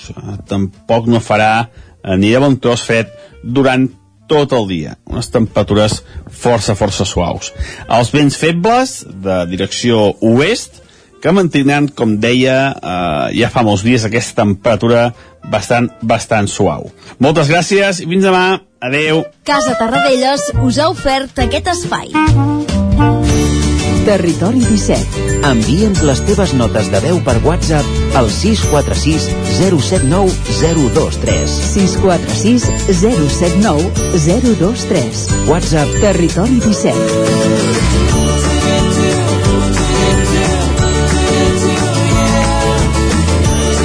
Territori 17. Som a Facebook, Twitter i Instagram amb l'usuari Territori 17.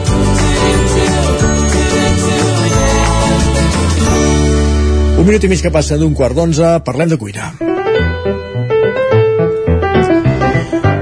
Com cada dijous, moment per la Foc Lent, avui en companyia d'en Pol Grau des de Ràdio Televisió Cardedeu, que conversa amb Bernat Plana, cuiner cardedeuenc, que ha treballat durant molts anys al celler de Can Roca, el restaurant amb tres estrelles Michelin i considerat en més d'una ocasió el millor restaurant del món. Pau, benving... Pol, benvinguts, bon dia. Bon dia i benvinguts a un nou foc lent des de Caradeu. Avui amb nosaltres ens acompanya en Bernat Plana, cuiner del celler de Can Roca durant 10 anys, on ha viscut molt experiències. Abans de començar a preparar el que ens portes avui, i perquè sàpiguen qui ets, explica'ns una mica què has fet i què estàs fent. El meu nom és Bernat Plana, uh, visc a Cardedeu i bueno, sóc nascut per això a Mataró, al Maresme, a prop, i vaig estudiar a Sant Pol de Mar quan tenia 16 anys. Després de fer els 3 anys d'estudi de, me'n vaig anar a, fer, a voltar una mica, a fer unes pràctiques que al Mugaritz, uh, per Sant Sebastià. És on he desenvolupat més que res la meva carrera professional, ha sigut el restaurant del celler Can Roca, on, on hi he estat uns més de 10 anys treballant-hi i on he passat una mica per totes les partides i per tota, per tota la casa, podríem dir. Uh, acabant al final, els últims anys, al departament d'I+D. Per què decideixes estudiar cuines? Sorgeix de l'entorn familiar o, o d'on ve? Eh, sí, és una mica que uh, quan era petit, uh, per motius personals vaig estar molt amb, la meva, amb els meus avis, vaig est estava molt i a casa dels meus avis i, i vivien pues, els seus avis, el, el que serien els meus besavis, i era una família tots en una casa. I, i notava que tothom es tenia que espavilar i cuinar-se. Ell, bueno, la gent més gran és la que es ficava a cuinar. I jo com era el més petit pues, ajudava una mica a, a la cuina i de mirar, de potinejar una mica a la cuina és quan em va començar a cridar l'atenció. Però sí que més gran ja ho tenia clar des de, des de ben petit. A la que vaig acabar els estudis reglamentaris doncs vaig decidir anar ja cap a Sant Pol. Encara que era molt petit i a vegades potser triar ja un ofici als 16 anys és una mica a vegades com molt jove però sempre ho he tingut molt clar i estic molt content d'haver escollit així com va ser la teva vida a un dels millors restaurants del món, com és el celler de Can Roca? Feies gires amb ells, com eren? En el celler van ser 10 anys pues, uh, de, de no parar. Uh, el, el, poder, el poder estar en un càrrec com el que tenia, em tenia que, sempre estava viatjant, vam fer tres gires als estius, vam passar per, per tot el món pràcticament cuinant i la meva vida era 100% dedicada a, al celler. No, no, ja no diria ni, ni que una altra cosa.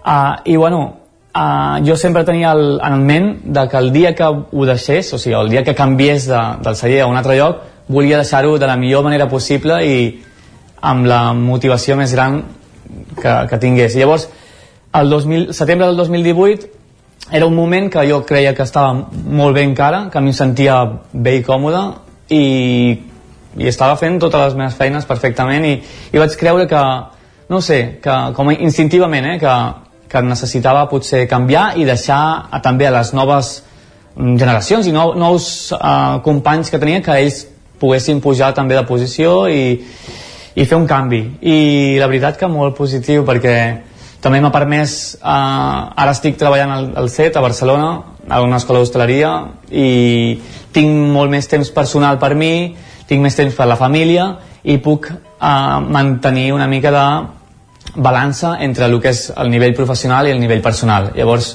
doncs això, amb això estic molt content. La veritat que, que sí. I, evidentment, la pregunta que tothom em fa és i no ho trobes a faltar? Sí, evidentment, ho trobo moltíssim a faltar i és perquè era la meva, la meva vida i m'ha costat bastant adaptar-me al nou canvi, perquè jo el meu horari d'abans era completament diferent al d'ara, però ho trobo a faltar, sí, i tinc la sort de poder-ho continuar practicant de tant en tant. De tant en tant em truquen, m'escapo i fan, si, si fan algun event, algun catering o alguna cosa, uh, puc formar part del seu equip, continuar formant part una mica del seu equip i llavors em trec una mica l'espineta que tinc de, de continuar estant en, en allà.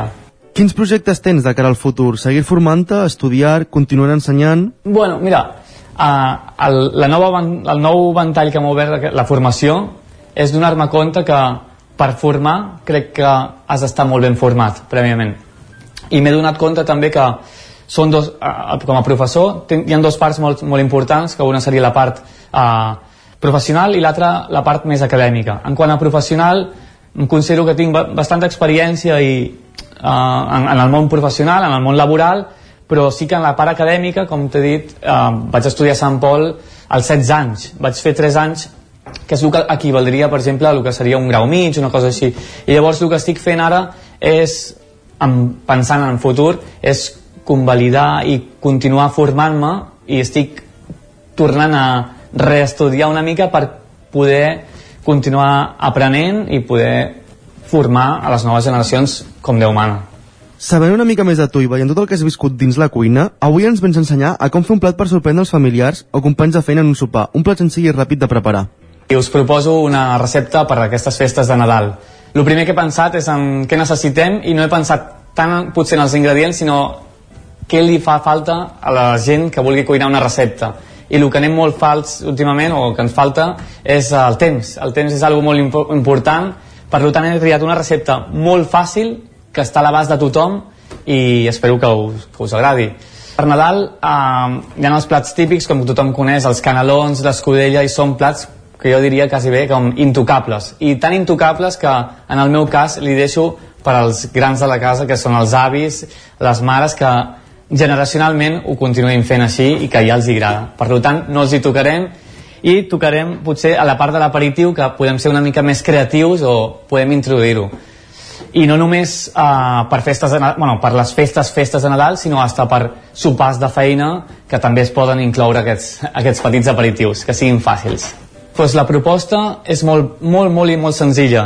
Els ingredients per preparar aquesta recepta, quins són? És, només necessitem formatge tipus Filadèlfia, uh, formatge tipus crema, en aquest cas uh, el venen a qualsevol supermercat, és amb tòfona, oli d'oliva, fulles de gelatina i pràcticament ja ho tindríem. Les quantitats exactes per qui ens estigui escoltant ho pugui preparar a casa? Hi ha 150 grams de formatge Filadèlfia, 150 grams de formatge queso crema, en aquest cas és amb tòfona, però pot ser queso crema, dos fulles de gelatina i 70 grams d'oli d'oliva. I ara sí, passem als passos de com preparar aquest aperitiu. Bé, doncs el primer pas seria calentar els formatges. Els podem ajuntar i calentar en el microones. Uh, lo, lo important seria que no passés d'una temperatura d'uns 40 graus, ja que el formatge es podria començar a tallar. Un cop tenim els formatges atemperats, el següent pas seria escalfar l'oli d'oliva, el mateix, a uns 40 graus. Un cop tenim l'oli d'oliva calent, incorporarem les fulles de gelatina prèviament hidratades amb l'oli d'oliva. Remenarem fins que es dissolgui bé. Agafarem els formatges, els col·locarem en un bol i ho barrejarem tot, tot junt, juntament amb l'oli d'oliva i les fulles de gelatina. Un cop ho tenim, hem de mesclar-ho amb una varilla, però en cas que no ho tinguéssim, amb una llengua o fins i tot amb una cullera ens serviria, fins que tots els ingredients quedin ben emulsionats. Seria important remoure bé perquè no ens quedin grumolls. Bé, com heu vist, és molt senzill. Aquí el que tenim és els formatges i amb l'oli d'oliva i les fulles de gelatina. Això el que, la, el que ens proporcionarà la folla de gelatina és la textura per poder-ho ficar en qualsevol motllo i eh, que ens aguanti l'estructura i ens quedi molt més cremós. En aquest cas és líquid, però un cop ho fiquem amb les fulles de gelatina el que ens proporcionarà és això, una textura molt més aèria. Uh, en aquest cas tenim un, un recipient, pot ser qualsevol recipient, pot ser un motllo, pot ser un plat, pot ser un tàper, Uh, el que sí que seria important és ficar-hi paper plàstic, plàstic film, més que res perquè no se'ns enganxi en la, en la base. Un cop ho tinguem, li podem donar uns copets a la base perquè quedi tot ben pla i ho posarem a la nevera unes 3 o 4 hores. En aquí sí que necessites una mica de temps, però és temps que no hem de treballar. Un cop passades aquestes 3 o 4 hores, on la gelatina ja ha actuat, el que obtenim és aquesta cúpula cremosa de formatge amb tòfona, en aquest cas. El que he fet és tenir un retall de tòfona en la nevera i l'he ratllada i la ficarem una mica per sobre. Aquesta seria la decoració, però en el bosc, en, el, en altres casos es pot ficar fruits secs, eh, hasta fins i tot hasta anxova, tot el que combinaria bé amb la tòfona negra i el formatge. També tenim unes torradetes per acompanyar el cremós, i bé, seria qüestió d'untar-ho i disfrutar-ho. Espero que ho vagi de gust i que ho proveu. doncs moltes gràcies Bernat per ser aquí avui al Territori 17 i preparar-nos aquesta recepta que més d'un segur que els oferirà als familiars durant aquestes festes. I fins aquí el foc lent d'avui des de Cardedeu i ens veiem a la propera. Fins a Gràcies, Pol. Hem pres nota, eh, d'aquesta recepta, aquest formatge amb tòfona, això ha de ser espectacular.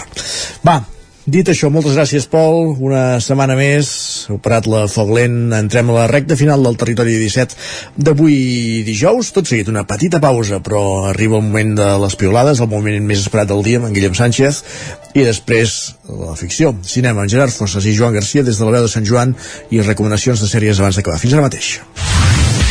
El nou FM, el nou FM. Per a qui seria perfecte aquest piano de juguetos? Per a nens que donin la nota. I aquest maletí de pintura? Pels que volen pintar alguna cosa a la vida. Jugar és viure. I viure és jugar.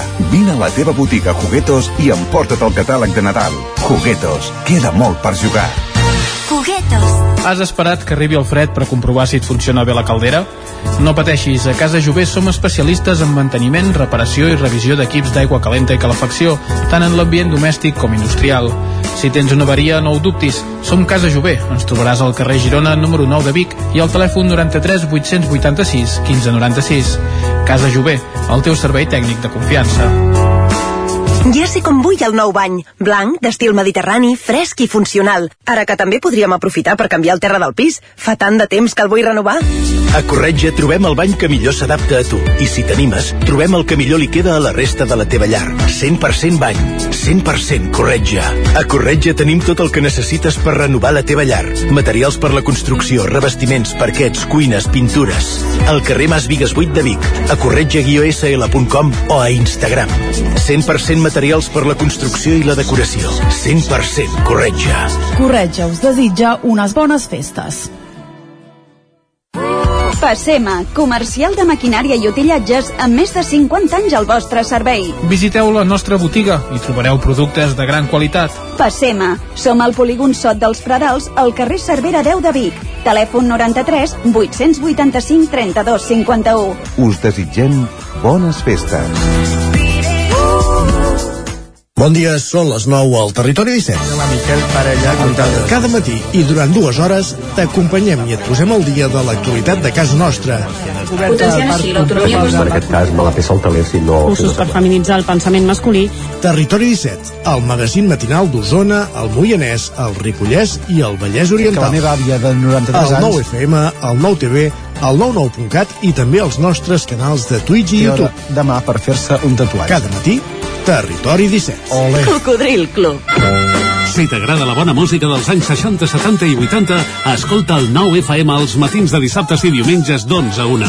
És el temps del Cocodril Club, tot un clàssic de la ràdio, amb les bases del pop-rock, les llegendes, les cançons que s'han convertit en autèntics himnes. Recorda, dissabtes i diumenges al matí, d'11 a 1, al 9 FM 92.8. Cocodril Club, el programa revival de l'Albert Malla. Hasta luego, Anuncia't al 9FM. La màquina de casa. 9 3 8 8 9 4 9 4 9 Publicitat arroba al 9FM.cat. Anuncia't al 9FM. La publicitat més eficaç. En punt dos quarts d'onze.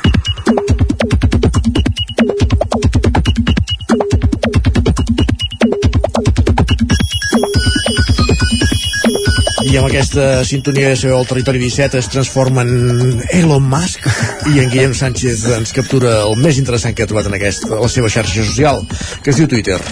Què tal? Bon dia, Has Isaac. tancat la porta avui, eh? No, no. Sento el mercat de Calaf per aquí fora. Ai, uh, doncs bé, començarem parlant avui de, de sèries, Isaac. Ens, ens allunyem una mica del Mundial, que també en parlarem a la secció d'avui, però comencem parlant del món de les sèries. No sé si n'estàs veient alguna ara mateix, tu? Uh, com es diu? Sí. Uh, pam, pam, la de l'hotel de Sicília. Uh, fi, és igual. Jo que soc, soc molt dolent eh, amb els noms, també ho he de dir. Alguns usuaris ens diuen, mira, ac acció en contra de les sèries de 8 capítols perquè s'acaben massa ràpid i després provoquen buits existencials. Doncs jo, jo hi estic molt a favor. De fet, en Ricard i Piula, en contra d'aquesta opinió, ens diu res, gent, ni cas, mireu minissèries i pel·lícules que si t'enganxes a una sèrie amb 9 temporades i 22 capítols per cadascuna, diem que no a sopars perquè, uf, avui no em va massa bé perquè la sèrie està molt interessant. No Jo sé, si, que- no sé si l'argument també és aquest, Isaac, en el teu cas o, o què, però... Interessant una sèrie de 9 temporades i 22 capítols per temporada no, normalment no sol ser, eh? Arriba un punt que dius, home, va, prou. Va, i l'Albert ens comparteix una curiositat que no sé si és veritat o no, a veure si m'ajudes a esbrinar-ho. Ens diu, Sabies que per interpretar la Wednesday, un personatge ombrívol, sense cor, sense esperances i nul·les ganes de viure, l'actriu Jenna Ortega va haver d'intentar agafar un tren de Renfe que circulés sense retards o sense avaries? És impossible. Jo diria que és una mica conya, no, això, Isaac? Segurament. Va, Josep demana algú que pensi en una nova sèrie. Ell em proposa l'argument. Ens escriu A Netflix hi ha 50 variacions europees de la sèrie, obro cometes, poble aïllat on tothom té molts secrets i maten algú, tengo cometes, i cap en català i que passi a la Garrotxa. Aquí falla alguna cosa. Doncs És veritat, sí, sí. a productors o realitzadors o no sé, gent que vulgui invertir en aquest projecte mira, aquí teniu la, la idea, us l'han llançat ja per tant només cal agafar-la i a veure si, si es fa realitat Ara bé, ahir dimecres, Isaac, suposo que poca gent es va passar al vespre mirant sèries, ja que hi havia aquesta segona semifinal del Mundial entre França i, i Marroc. Home, és compatible, eh? Perquè el futbol Sí? ara acaba a les 10 de la nit. Bueno, també tens raó, sí, ten, tens raó. L'Anna ens comentava al mig del duel. Amb el que porten de partit, la meitat, i ja han pronunciat Mbappé 137 vegades. Ja només per això estic desitjant que marqui Marroc. I hi ha una segona piulada que diu... Sí. la tens o no? No la tinc, però l'he llegida. Que lamentava que Correcte. la piulada arribat, havia arribat el gol Correcte. de l'astre francès. Correcte. L'Oriol en deixava anar una en què jo no havia pensat fins ara. Ens diu, si França guanya el Mundial, haurà guanyat el Mundial i Eurovisió Júnior. Això... No sé si et donen algun premi per haver guanyat les dues coses al mateix any o no, però... Però això, clar, ara som, és fer volar coloms, hem d'esperar diumenge, sí. Perquè, sí? Perquè realment el guanyi. Tenim esperances o no, o no per això?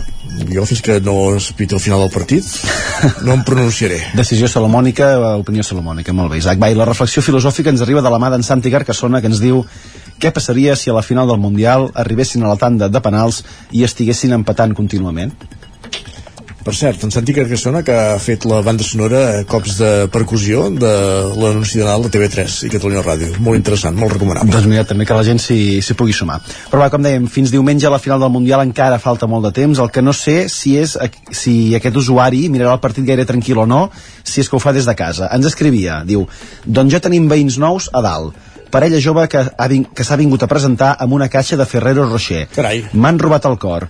Intercanvi de presents i de mòbils fet. Però és que la primera resposta, l'Àlex ja li ha posat la por al cos en aquest usuari. Li diu, caixa de Ferrero Rocher igual a pacte de silenci per si la lien i perquè no diguis res. No sé si cal arribar... Sí, amb aquestes credencials d'entrada ja té un, punts a favor i marge de confiança. Home, si et donen el, el mòbil ja per si passa alguna cosa, per si et volen convidar a sopar algun dia Exacte. o per d'això, ostres... El que, eh. el que la lia ja, no, no, ja s'amaga. No, no et dona el seu telèfon, Exacte. el que la lia no et dona el seu telèfon. El telèfon i els Ferrero. No. Va, i acabarem amb dues reflexions sense les quals no podríem afrontar el dia d'avui. La primera, la de la Neus, que ens diu plou molt, i sóc feliç pel simple fet de no haver d'anar a Barcelona a treballar. Mm -hmm. i em sembla que això és una reflexió compartida per molta gent a la que plou una mica, sembla que tot es col·lapsa encara una mica més del que... Avui fins i tot l'entrada a Vic, eh? t'ho juro que a les 8 del matí era impossible. Doncs, doncs imagina't, quin, quin nivellàs que, que portem. pensat, però aquí no ho entenc perquè aquí ja s'hi va cada dia amb cotxe no... aquí, aquí som, som normals no? exacte. I la segona, la de l'Àlex, que ens diu cap treball de recerca sense la seva enquesta random realitzada a l'últim moment. Ah, Molta sort a tots els estudiants que estan presentant treballs aquests dies o aquestes setmanes, que els hi vagi molt bé i si han de fer una enquesta, doncs mira, que la comparteixin sí, sí. i tant. Doncs va. Gràcies, Guillem. Que vagi molt Fins bé. dilluns. Que vagi bé. I el Territori 17, el 9 FM, la veu de Sant Joan, Ona Codinenca, Ràdio Cardedeu, Territori 17. I el que fem tot seguit del Territori 17 és anar cap al cinema amb en Joan Garcia, amb en Gerard Fosses des de la veu de Sant Joan per conèixer les estrenes de la setmana a la cartellera de les sales de casa nostra. Tot seguit aquí al Territori 17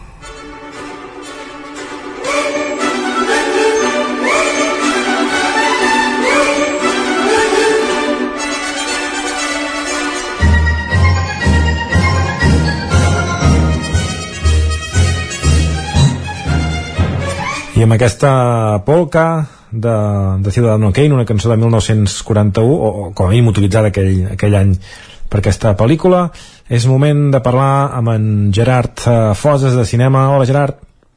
Hola, què tal? Avui, avui no sé si la, la, ho saps això de la cançó o no? Era, era, eh, ja... um, no, jo diria que és banda sonora original de la pel·lícula. Doncs del 41. Uh, mm. En tot cas, nosaltres som, som moderns, agraden els clàssics, però som molt moderns i, mm. i avui, avui tenim una mica de tot em sembla avui hi ha una mica de tot i um, sí, sí. Uh, serà com una sorpresa per la segona part és una segona part nadalenca però no com us l'espereu uh, en tot cas serà després de, de repassar les estrenes de la setmana que, que vaja, avui si, si hi ha algú que encara no sap quina pel·lícula s'estrena és que deu viure en un altre món, no? Uh, sí, bàsicament, perquè això quasi bé està a la mateixa dimensió que Star Wars, que Marvel, fins i tot superior que Marvel. Uh, òbviament, pels marcians estem parlant d'Avatar, el sentido de l'agua.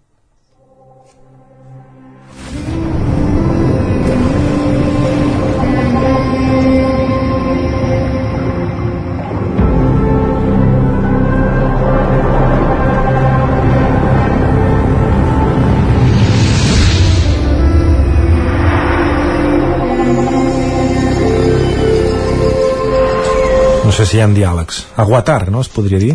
Uh, es podria dir aguatar. Ojalà s'hagués dit aguatar, imagina que et dic. Uh, però no, uh, li hem volgut posar un, un títol així més poètic. Mm -hmm. uh, I bé, és una seqüela que arriba 13 anys després uh, James Cameron ha decidit que, que el seu gran èxit bueno, un dels seus grans èxits com, com va ser Avatar el 2009 uh, mereixia no una seqüela sinó quatre més que ara aniran arribant paulatinament any, any a any i la primera és aquesta, és el, Centre de l'Agua, pel·lícula que ens retorna a aquest món virtual de Pandora, eh, ressuscitant diversos personatges i també ressuscitant el 3D per les sales de cine, una cosa que semblava morta, Mm -hmm. però la qual James Cameron hi creu fermament. De fet, ja fa no molt va fer una reedició de Terminator 2 també amb, amb 3D, o sigui, li encanta aquest format, i, i la veritat és que l'explota al màxim, eh? les coses com són, Avatar ja era una experiència mm, bastant bueno, molt, molt bona per qual que respecta al 3D a diferència de moltes altres i aquí seguim en la línia uh, dic, jo no he vist la pel·lícula perquè just es va fer ahir passe de premsa a Barcelona i no, no m'hi van convidar pel que sigui Mm -hmm. uh, però, no, ja, no ja sortien dir, les primeres no, crítiques no, no els hi vas dir res de, de la veu i del territori 17 Ah, exacte, no, no em vaig promocionar prou, Mm. però bueno, tampoc hi podia anar. Uh, hi, hi havia Cine Club a Vic, molt més interessant. Mm. I, I bé, hi havia això. Uh, les primeres crítiques parlen d'una pel·lícula molt, molt caòtica, alhora molt, molt espectacular visualment. Uh, sembla que sí que han intentat arreglar una mica el fet de fer una història més interessant. Es va acusar molt anterior pel·lícula de ser un remake de Pocahontas. Aquí sembla que sí que amplia horitzons, però òbviament eh, les 3 hores i, i, i un quart d'hora més de, de, de metratge que dura doncs és com una desmesura molt gran com, com ja és aquest projecte també Mm. i, i bé, fet és que és una experiència visual i sensorial eh, molt potent i que si no es veu en una sala de cine doncs potser no val la pena ni que es vegi Mm -hmm. En tot cas, eh, jo també recolzo l'opció d'anar-la a veure no en 3D, eh, perquè a mi la veritat és que, que no, no trobo que hagi en, en, quants anys que has dit, 13 no ha avançat gaire la cosa. 13 no ha avançat? No, no, de fet no, no està al mateix punt. Mm -hmm. vull dir que en Sí, fi, sí. Uh, anirem ràpid perquè tenim aquesta segona part que volem a la qual podem dedicar temps. Per tant que anem per la segona Anem per la segona, que és una pel·lícula que òbviament no fan a cap cine proper perquè fan Avatar eh, a quatre sales de cada multicines, mm -hmm. eh, però aquí és una pel·lícula que volia destacar perquè em sembla una de les pel·lícules europees de l'any, que segurament se'n sentirà parlar bastant en la primera temporada, i és una pel·lícula britànica que es titula Aftersun.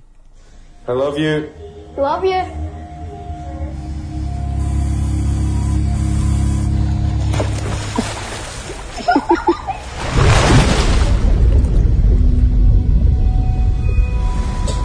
Ara sembla un vídeo familiar això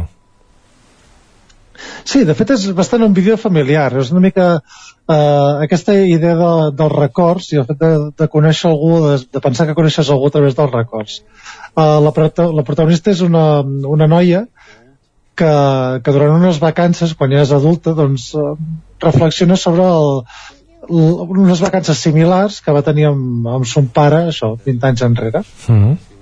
I la pel·lícula diguem que és com una barreja de- d'aquests vídeos familiars que s'entronquen amb records, amb records reals, records ficticis, no? d'allò, fantasies, i crea una mica de, de mapa emocional eh, d'aquesta noia per la qual el seu pare és un, un misteri. No, no perquè desaparegués, sinó perquè és una eh, d'adulta la coneix com una persona molt diferent de la que la coneixia anteriorment, no? de quan era més petita.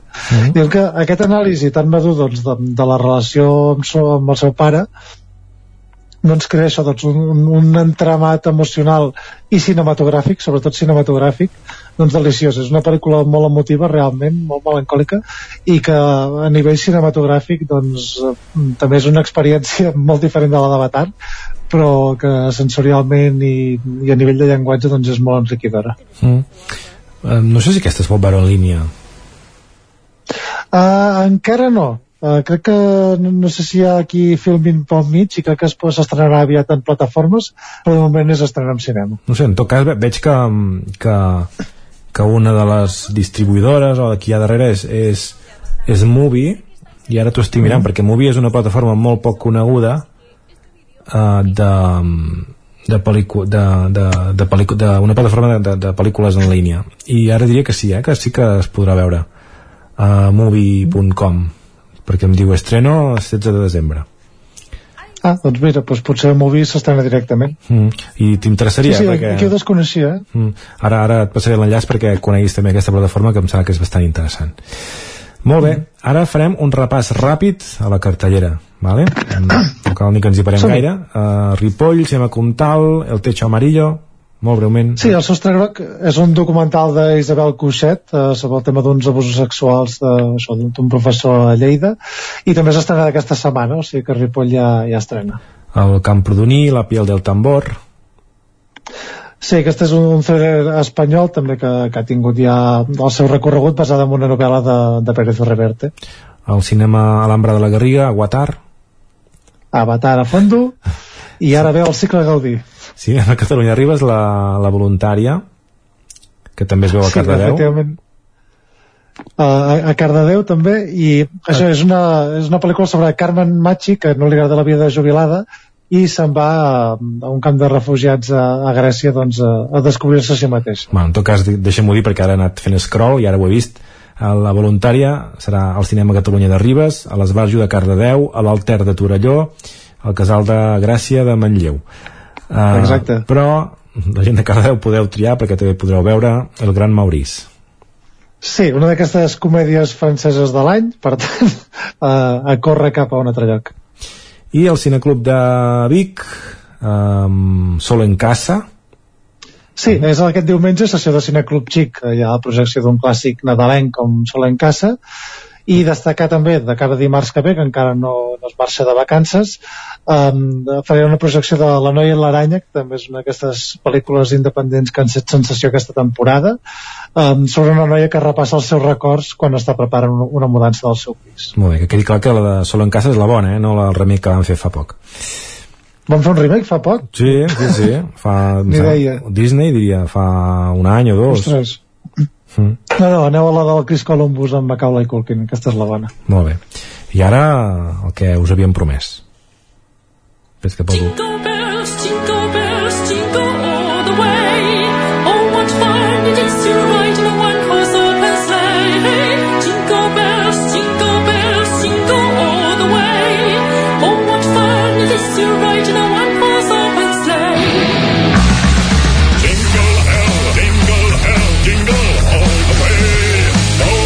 I vam dedicar un programa sencer a aquest home quan es va morir, en Christopher Lee, eh, i ens vas descobrir això, que li agradava el heavy metal. I de fet aquest Sí, que, sí, que- aquest, aquest que, que Canta sentim és heavy ell, metal no? i canta Nadales. Mm, Jingle Hell. Jingle Hell, exacte.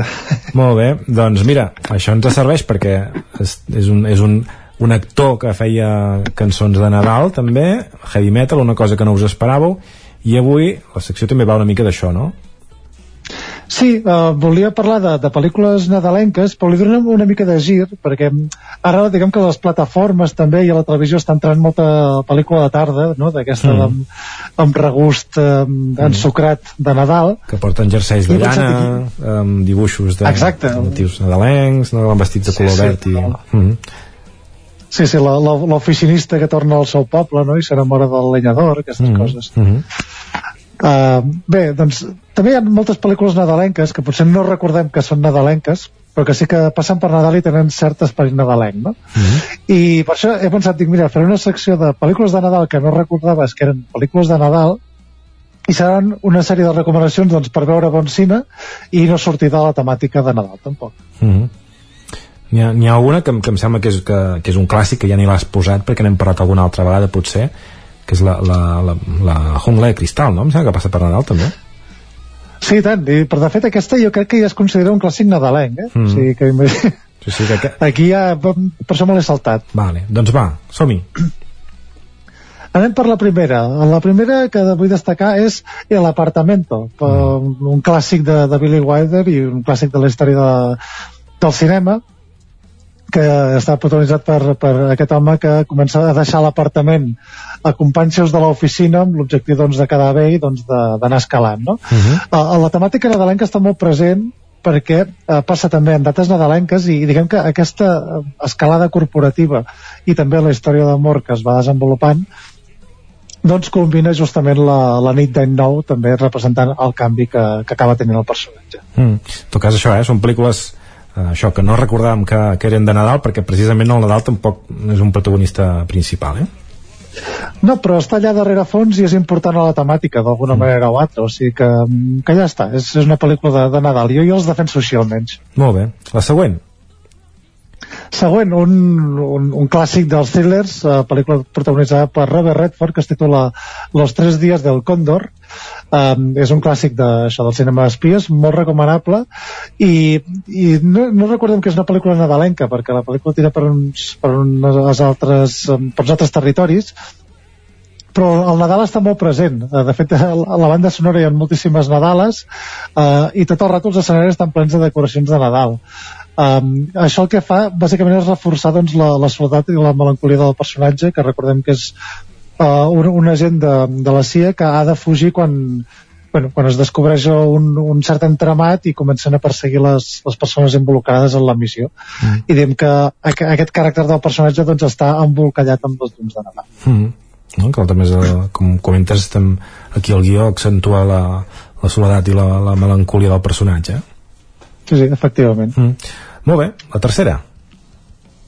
Anem per la tercera, que també és un thriller d'aquests de- d'enredos, un, un clàssic en aquest cas més modern.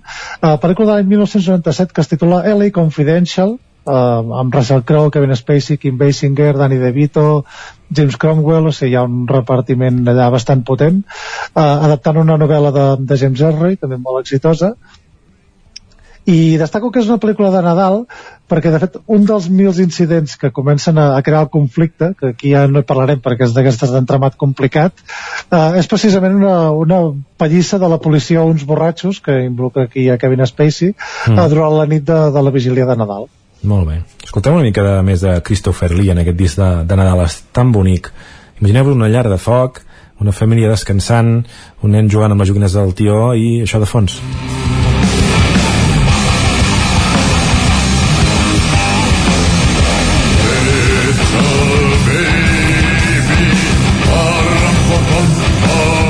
de Little Drummer Boy amb Christopher Lee que per la gent que no digui Christopher Lee, aquí, em sona el nom els conec, però entre d'altres no sé, potser la nostra generació i algunes de més joves en Saruman de, del Eh, Senyor dels Saruman del Senyor dels Anells. Mm. o també el, el Comte Dooku o Star Wars vull dir, el- d'aquests directors que, que han decidit, van decidir rescatar aquesta figura perquè ja el veneraven de la seva època fent de, de Dràcula i molts altres personatges. Molt bé. Doncs eh, n'hem fet tres, el apartamento, los tres dies del Còndor, LA Confidential, i eh, aquesta em fa real- realment gràcia també. Aquí eh, parlem també d'un altre petit clàssic, sobretot de- del cinema familiar, pel·lícula de George Miller, conegut sobretot per Mad Max, però que va tenir temps per fer Babe, el cerdito valiente. Mm -hmm. I passa Nadal. És, Uh, no passa ben bé Nadal, sí que transita per l'època nadalenca, però aquí és un apartat que, que jo recordo que, que m'agrada bastant, que òbviament els protagonistes aquí són els animals, de fet són uns animals que, que parlen, i el protagonista és un porc que, que fa de, com de gos pastor. Mm -hmm. Uh, arriba un moment que arriba el Nadal i òbviament vist des del punt de vista dels animals de la granja és una mica qui li toca la loteria per, perquè el matin i se'l mengin per àpat no? Mm -hmm. i diem que això serveix doncs, per mostrar una mica el revers, el revers fos d'aquestes festes perquè George Miller una altra cosa no però discurs social um, uh, fotut a cullerades amb, amb la cosa més innocent doncs també te la posa no? Mm -hmm. I hi ha, aquest tram, sobretot d'un ànec que està molt espantat, que, que està present a Paper Cerdito Valiente durant les dates de Nadal. Christopher Lee, uh, Silent Night.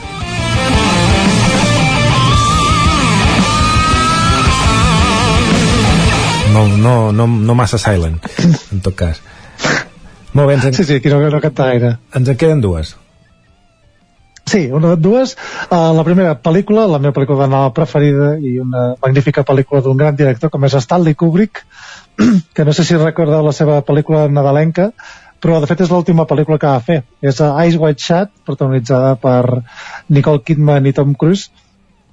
És aquest uh, psicodrama de, que segueix Tom Cruise uh, realitzant un, un viatge eròtic per al submón de Nova York, Uh, però de fet el punt de partida és un, una festa de, de Nadal que allà comença els conflictes amb la, amb la seva esposa i hi ha un viatge que també acaba en una festa i bé, és, és uh, aquesta, aquest, això que dèiem, un psicodrama de Stanley Kubrick doncs, per parlar de, de les falles d'aquesta estructura familiar que és el, el matrimoni i que de fet Nadal sol anar al contrari, no? que és de la unitat familiar, doncs aquí Mm. eh, per això Kubrick amb tota la seva mala llet del món, doncs per això em marca aquesta pel·lícula en aquestes dates. Mm. No sé si es van conèixer els dos, van ser parella i, no sé, i era més o menys aquesta època, però no sé si va ser llavors o... No, de fet van trencar després d'aquesta pel·lícula, ah. justament. Mm. Llavors, llavors se'n va anar amb la Penélope. Sí, sí. Exacte, sí, diguem que Stanley Kubrick va, va complir el seu objectiu de trencar una parella famosa de Hollywood. Molt bé.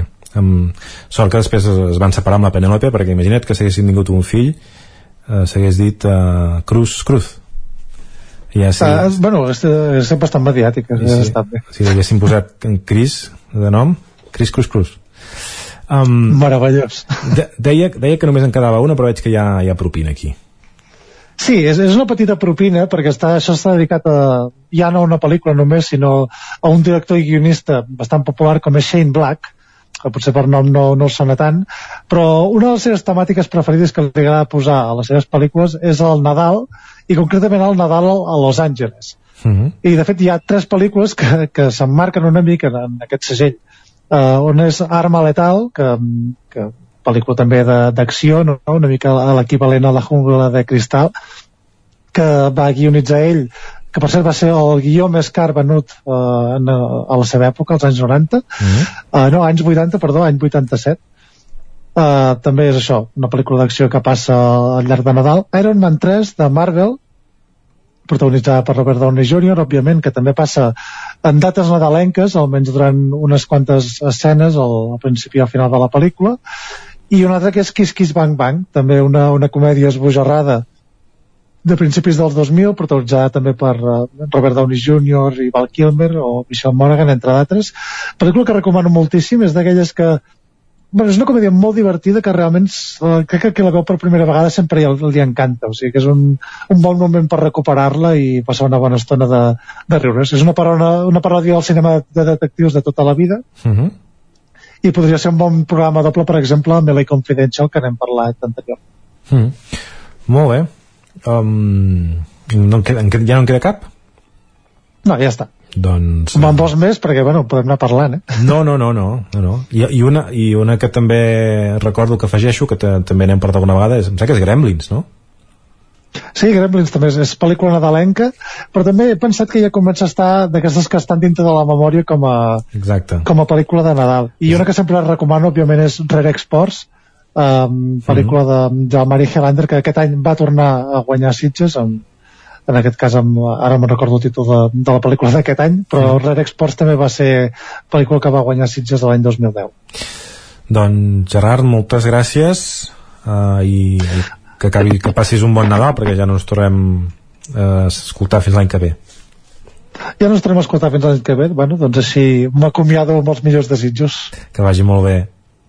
Vinga, igualment, adéu-siau. Adéu-siau.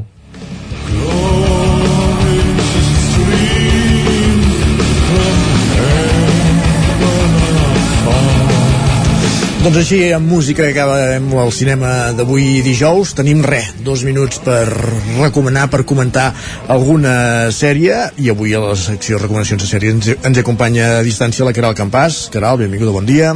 Hola, bon dia.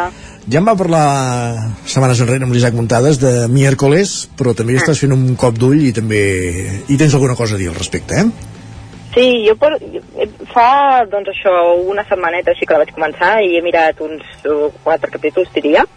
I bé, aquesta sèrie que, com veus, hauríem comentar, es pot trobar a Netflix, eh, està basada en el personatge de la, de la Miércoles Adams, de la família Adams, eh, i explica doncs, les seves aventures en un, en un institut doncs, per, per persones així diríem, entre cometes, especials o, o diferents. Eh, val a dir que eh, jo, mm, mal dit, luces i sombres. Per mi, aquesta, aquesta sèrie doncs, pot tenir alguns capítols o, eh, capítols o alguns punts interessants, eh, és així, també diria per passar l'estona, no massa pro- profunda, divertida, però sí, però sí que és cert que hi ha alguns capítols que se m'han fet una mica, una mica llargs i, i que penso que hi ha una mica, una part de guió així com, com per omplir i que les coses interessants passen a l'inici i al final del capítol i al mig no massa, però bé, segons, segons quin capítol ha sigut millor que altre i crec que hauré d'esperar a acabar-la per tenir una valoració final. Doncs llums i ombres, eh? Hi ha capítols que m'agraden més, altres que no tant, en aquesta sèrie de Netflix, que l'Isaac, el dia que ens la va presentar, parlava de, de la millor estrena de la temporada, pràcticament eh, a Netflix, evidentment hi havia pocs capítols encara, ja, ja ha anat evolucionant i veurem com quan l'haguem vist tots i la que podem acabar de comentar doncs acabarem de, de rematar-ho al respecte Perfecte. alguna altra cosa? En principi això seria tot, eh? Miércoles a, a Netflix, a aquesta, aquesta sèrie que s'ha estrenat a, al novembre. Perfecte, Caral, doncs moltíssimes gràcies Merci. Bon dia. I amb aquesta petita recomanació que veiem al territori 17 d'avui, dijous 15 de desembre de 2022.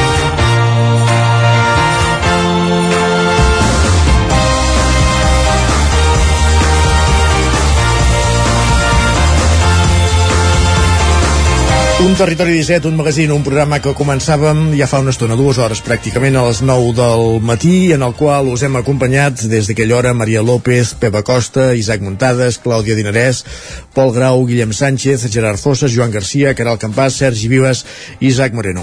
L'equip del territori 17 hi tornarem demà a partir de les 9 del matí, serà divendres aleshores. Fins aleshores, fins llavors. Gràcies per ser-hi, molt bon dijous. Adéu-siau. Territori 17, un magazín del nou FM. La veu de Sant Joan, Ona Codinenca i Ràdio Cardedeu amb el suport de la xarxa.